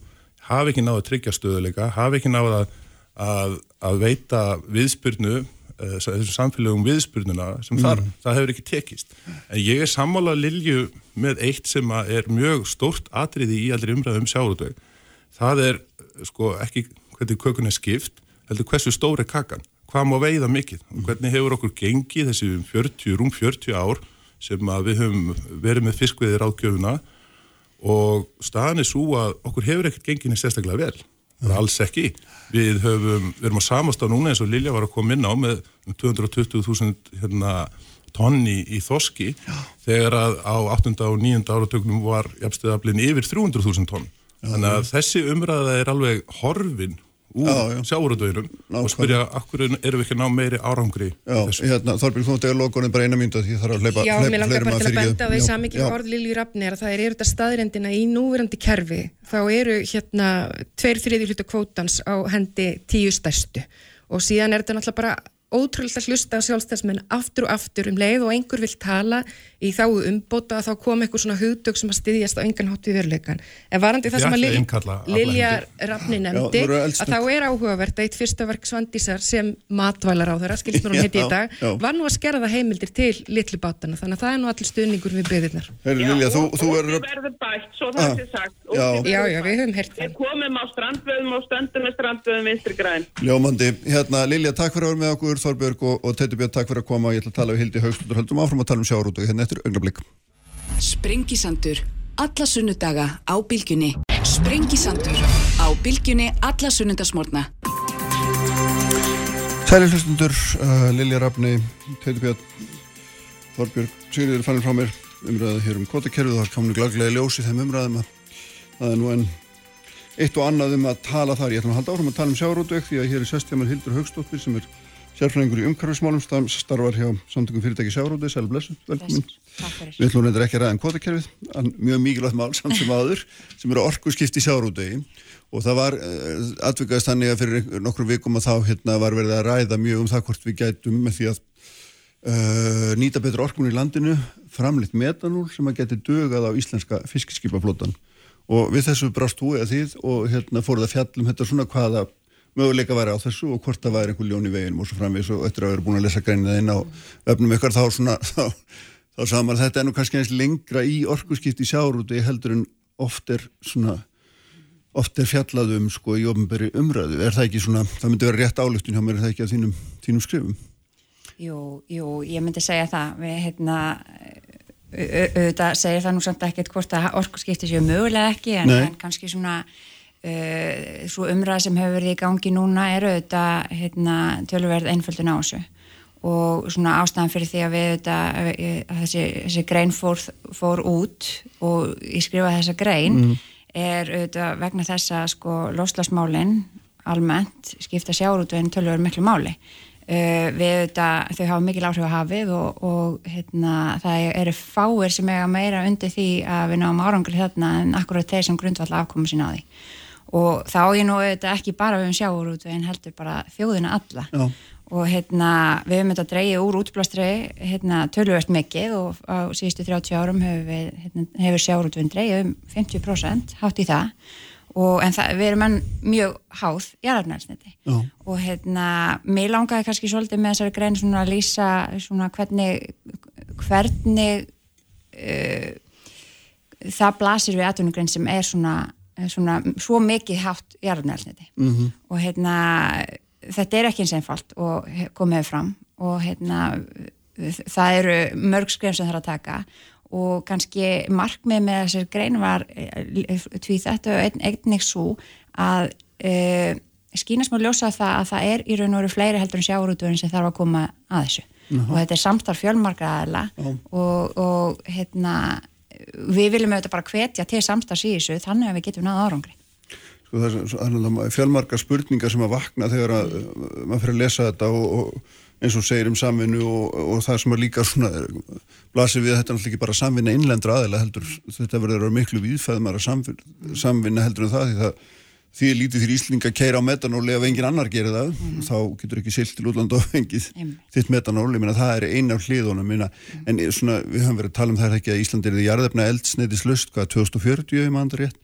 Minna, hvað segir þú mér að þinni visku er það einhver möguleik í sjárútu eða eitthvað? Já, mikið væri það gaman. Ég meina, það veltur auðvitað óbúslega mörgu. Það hérna, veltur á því hvernig, hversu vel okkur gengur að, að hérna, vinna þessu samstarfi. Og hérna. Hvað, hvaða samstarf ertu nákvæmlega að tala um sko, það? samst, sko, það kannski, kannski ágætt að útskýra þá fyrst svona hvaða hindranir eru í vegi Mm, núna sem mm. að við þurfum að, klöngrast yfir á hann við komist og það var svolítið það sem ég fór hérna, yfir í þessari grein að hérna, það er í fyrsta lagi tæknin þó að tæknin til staða til að hérna, nýta þessa orkugjafa sem að verða þeir að horfa og kannski ágætt að nefna það að svona aðlega er verið að horfa á einlenda orkugjafa Mhm. Að, hérna, að nota þá tækni á hafi fyrir stór skip sem er að fara lengri tíma út á sjó, það er úrlösnar efni sem þarf að leysa úr þar og það er í fullum gangi. Þannig að það er svona tæknin eru þetta hérna, á, ákveðin svona hindrun en það er líka, eh, það eru ljós þar Mm. og margir að, að skoða það og það er til dæmis og eh, kannski einn parturinn það líka er að e, allir orkugjafa sem við erum að horfa á þeir eru með tölvöld minna orku innihald heldur en jarðafnælsniti sem þýðir að við þurfum að hafa stærri skip og við erum auðvitað með kerfi í, kring- í fiskvöðustjórnuna kerfi sem byggist að miklu leiti á stærri skipa. Að þú kemst inn á ákveðin svæði með þessu stærð og þú ert að byggja skipin út frá stærð. Og hérna við þurfum miklu stærri skip. Já. Og þannig að þetta er Já. eitt flækistíð það er í raun og veru bara regluverki í kringum, eh, kringum það Mhm. þannig að hérna, og svo er spurningu auðvitað, þú veist, mismund eftir flækistíðum, eftir orkugjöfum hvort þetta sé gas eða fljótandi hvar eigum við að geima þessa orku og hvernig uh, síðan er auðvitað einhver, einhverja sem orkugjöfum eru, hérna, þurfum við að huga að, að öryggismálum og eitthvað þessu eitrað og alls konar vandamáli kringu það en sem verið er auðvitað að reyna að finna lausnir í en það er auðvitað nummer 1, 2 og 3 að við tryggjum öryggi þeirra sem eru á hafi með þetta. og pluss það að þá eru auðvitað mönnunin líka skrifuð mikið í regluverkið og, og kjara samlinga og mögulega munum við þurfa öðruvísi mönnun um borð í þessi skip Mhm. og við þurfum að geta umgangist þessu orku. Þannig að þetta er kannski tæknin, regluverkið. Svo er það auðvitað hérna, uh, samkemnisefnin það er ákveðin kostnæður við þetta. Það eru bæði dýrari skip og dýrari orkan uh, þannig að og, og það er kannski, það, það er staðan í dag ég vona að þetta breytist Já, já. en þetta, þetta er bara tæknin mun þróast og þegar þetta kemur sem svona, hvað segir við, hillu vara Já. þá vonandi verður, það- mun þetta breytast þetta verður, þegar við erum í þróunni þá er þetta ofta stýrara og áhættu samara, Mhm. þannig að hérna kostnæðurinn er eitt og svo kannski ef ég fer nú hrætti við það, þá er það líka það sem að kemur og ég vona að hérna verði ekki eins mikið vandamál þegar hitti frá, að það er þá auðvitað við þurfum innviði til að nálgast þessu orku í, á fiskihjöfnum landsins og út í heimi, út af því að skipur auðvitað alþjóðlega söluvara og svo við, þurfum við orkuframbóð og við þurfum að hafa næga orku til að uppfylla þessa þörf og hérna eins og staðan í dag þá erum við búin að fara að ná, nánast mestu leiti í hérna, orkuskipti í fiskimilsvæsmiðum Mm. en erum að kera olíu út við fáum ekki orkuna þannig að. Það eru, þið sjáu, það er samstarfið kemur þá að auðvitað uh, stjórnvöldum, höfnum, orkuframlegendum bara neymit sko. það eru fleiri sem koma að og auðvitað sjáróturinn að fjárfesta í þessu dag Já, já, einmitt. En er, er þegar þú talar um samstarf og það er náttúrulega núna í þessum umhverfismálum og lofslagsmálum er náttúrulega mjög mikið hort alltaf stjórnum, þau eru mm. að keira þetta áfram, þau setja reglurnar og þau svona mm. búið til sjóðina og svona og, og hérna, og stundum, ég veit ekki að reynslu þá, þá þarna gruna maður oft stjórnundum að tala eins meir en gera, sko, og hérna hvernig er þessu háttað? Því að þið, þið skrifuð undir yfirlýsingu í mann 2020 held ég hafi verið um, að, um samstarfið þessum málum. Hefur hratt gengið eftir það eða hvernig ég ég get nú ekki sagt að það hafi mikið rætt gengið þar, nei, en Nei. Hérna, ég bind nú vonir við þetta samstarf og ég, hérna, ég finn alveg fyrir vilja það hefur lítið gæst, við skrifum myndir um eitt samstagsefylýsingu 2020 SFS við stjórnvöld, uh, sex ráðherrar mættu á, á hérna, þann viðbörð og skrifu undir það. Uh, og svo í framhaldi var í raun og veru fórs, hérna, var lítið samstarfi gangi en, en það fórast að hópur uh, sem að gáði skýslu grænskrefi sjáurútvi þar sem neðurstaðan var að fara í samstarfi aðtunugrenna sem er hérna, pínu komist en við, við skrifum þá undir aðra yfirlýsingu að hérna, fara í þetta samstarfi aftur. Síðan, og það var gert í, í hérna, ég man nú ekki mánu en það var hérna, síðasta haust 2021 og hérna, svo komu þetta kostningar og, og skipta, skipti á ráðunetum og allt það sem hefur í gangi þannig að lítið hefur þókast áfram. En við erum ennþá bara til í leikin Já. Er, er fullkomlega óvíst ennþá hvers konar tækni og, og hvers konar orku gjafar verða fyrir hendi að því maður sé fréttir að því að sérstaklega er nú svona í heimsrættum að mersk, mersk sé að byrja í metanóli þykir, þykir, mikil, þykja mikil, mikil tíðindi. Ég meina er það einhver leiðavísir eða er mann enn að velta fyrir sér mörgum möguleikum? Uh, ég meina þetta sem Marsk er að gera er þetta frábært verkefni og, og er mögulega einhver fyrirbóði Mhm. Uh, en sko við þetta letum gera skýslu fyrir okkur DNVAF uh, stort fyrirtæki út í, Nóri uh, gera skýslu fyrir okkur umhverjusraðanæti, Samorku og Faxaflóhafnir sem var gefan út í desember þar sem við vorum með að reyna að meta þessar mögulegu sviðsmyndir í orkusskiptum á hafi Uh, og þessar rannsóknir, alla sem hafa verið gerða benda er nú til að það er ekkit eitt augljóst elsneti sem getur tekið við á jarðafna elsnetinu í dag. Uh, en það auðvitað útilokar ekki á orkuskiptin geti átt sér stað, þau munu eiga það og tekninni flegi fram. Og ég vona bara mjög fljótlega að, hérna, að þetta spjall okkar sé verði orðið úr, úrrelt en, hérna, en það er það bara flott en þetta er auðvitað bara allar þessar leiði til orkuskipti í dag eru með tölverða en, óvissu. en þær eru allar opnar ennþá. Það er ekki, það er ekki, þetta er ekki komið lengra en svo. Að það eru ennþá einhverja nokkra leiðir sem að eru jafn gildar í hugum fólks eða, Já, ég meina, þetta er komið, teknin er komin með langt, ég meina metanóli er komið hansi langt og, og hérna fleira. En þú veist, þetta er, þetta er líka mismundi eftir hvers konar faratækjum þú veist að, að fara að keira. Uh, mærsk eru þetta skipafélag, þau eru með stór skip og eru að sigla frá A til B vita orku þörfina sína síðan þegar við erum komin í, erum við komin í meira flækistig þegar við erum komin að, þegar við erum að tala um uh, stóra tógara sem eru lengi út á sjó og með kannski uh, mjög óljósa orkuþörf. Já. og hérna eru þá kannski viku til mánuða hérna á sjó að leita fisk og veiða fisk og, og það hérna við veitum ekki alltaf hva, hversu mikla orku við þurfum.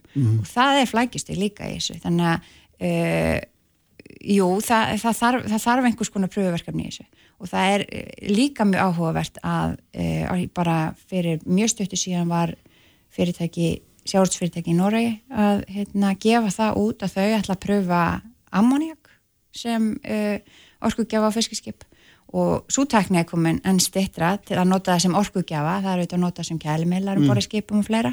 Uh, þannig að það, það, hérna, það kom pínu óvart en, en verður áhugavert að þannig að fylgjast menn með. eru greinlega svona Já, það prófa er hitt og þetta. Já, en, það er kannski hægt að útiloka eh, Já, ég hugsa að við munum ekki nota hérna, raforku nema litlu leiti þetta verður ekki rafatskip nema þá bara að, að hérna, einhverju litlu leiti sko. Já, akkurat, þannig við erum að tala um einhvers konar fljótandi elsniti eða gasformi eða eitthvað sem að þarf að geima Já. vantarlega einhverjum risa væntanlega, þó ég vil ekki útiloka neitt Nei, eða, nei, nei, sko, nei, auðvitað maður er ekki, en, auðvitað en ennþá það er svona bara svo mynd sem við sjáum í dag. Satt? jú, jú, Já. jú, og síðan eftir það sem voru mér fórum líka að tala um innviðina því að það er náttúrulega þetta alþjóðlega kerfi, jarðefna eldsneitis notkunnar byggir auðvitað á innviðum sem búið er að byggja upp í Mm. 100 ár sjálfsagt ef allt er talið. Mm, akkurat, og þessu þarf að gera breyt og það kostur auðvitað það fjármunni ekki satt það myndi ég nú halda Já, því, sko, það eru auðvitað mismunandi innviðir sem þarf fyrir hvern orku ekki á fyrir sig Mhm. þannig að hérna, við þurfum bara að sjá hvernig það mun þróast en það En þegar þú horfir á þetta og, og horfir svo á þessu tölu 2040, mm. hversu raun hefur hún? ég verð pínu hrætt sko en hins vegar er ég veist, bara vinnandi í bransanum sko Já. en hérna ég auðvitað er hérna líka mikil umhverfis manneskja og auðvitað vill ég sjá þetta gerast og maður vill auðvitað að, að börnin fá að njóta sömu lífskeða og, og við. Og hérna ég er nú móðir og, vill endilega að þetta gangi upp sko.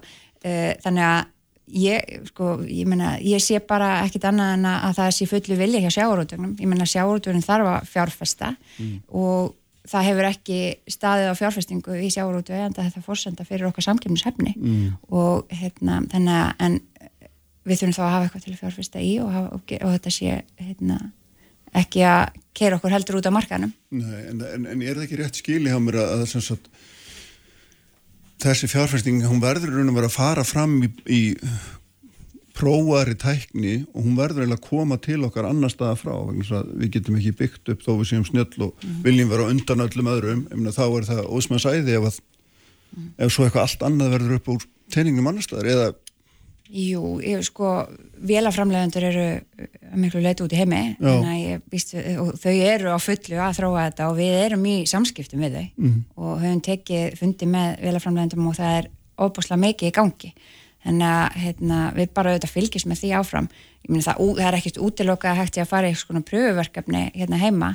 Og ég meina ég sé fyrir mér e, mögulegt verkefni með sjáurútögnum og stjórnvöldum og fleiri aðlur sem koma að þessu að hérna við þurfum auðvitað bara að fara í ákveðu verkefni og reka okkur á veggi og Mm. reyna að sjá hvaða lausnir við þurfum að finna í þessu.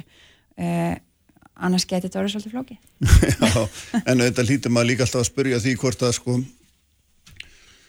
samtök fyrirtæki í sjárótegi þau hugsa ekki bara, heyrðu, þetta er bara tómtjara við skulum bara vera á okkar jarðnælsneiti, kunnum það það er miklu ódýrara, þurfum ekki að gera neitt Nei, ég, ég, ég hef ekki fundið það, ég meni það er áhugið fyrir þessu en það er líka, við búum við það þú hlýtur þurfa að heyra svona rattir innan, var það ekki, eða hvað? sko ekki, ekki beint. Það sem ég heyri eru þetta bara hérna, raunhæfar væntingar og fólk er bara hva, hva, hvað er hva, hvernig við að gera þetta? Og þess vegna erum við þetta í þeirri vegferð og svolítið í sammenningu innan SFS Mhm. og erum með hóp þar sem er að skoða þessi mál og við erum bara að reyna átt okkur á stöðunni og hvað við getum gert og, og, og svo eru þetta fyrirtækinins eins mismynduður mörg Mhm. og hérna ég meina ef það kemur upp neikvæðinni þá er það kannski býnur raunhæft verið að koma með raunhæfa væntingar hérna inn í framtíðina en ég hugsa að það, þetta mun gerast á Mm. einhvern tímapunkti Já, og já. það, en það það hvenar kannski- er Já, já. vonandi, vonandi þurfum ekki að býða of lengi sko. Nei, en auðvitað síðan er þetta hérna, líka eins og þú búin að nefna samkynstað þannig að hérna, ef minn fari mjög mikla fjárfestingar í þessu, þá vantarlega þurfa þeir að fá meira fyrir vörun ekki satt á meðan og það myndi ég halda, það myndi ég halda. þannig að það er marg, í margt að, margt að skoða í þessu Já. Já, mætti hafa verið það markaði fyrir það ef einhverju tilbúin að borga markalt meira fyrir Já. það væri þetta frábært Já, akkurat, nákvæmlega Þetta kemur allt í ljósildur, hérna, Yes. takk fyrir að koma og Takk. fræða okkur um þetta Takk. Við ætlum að láta sprengisandinum lokið í dag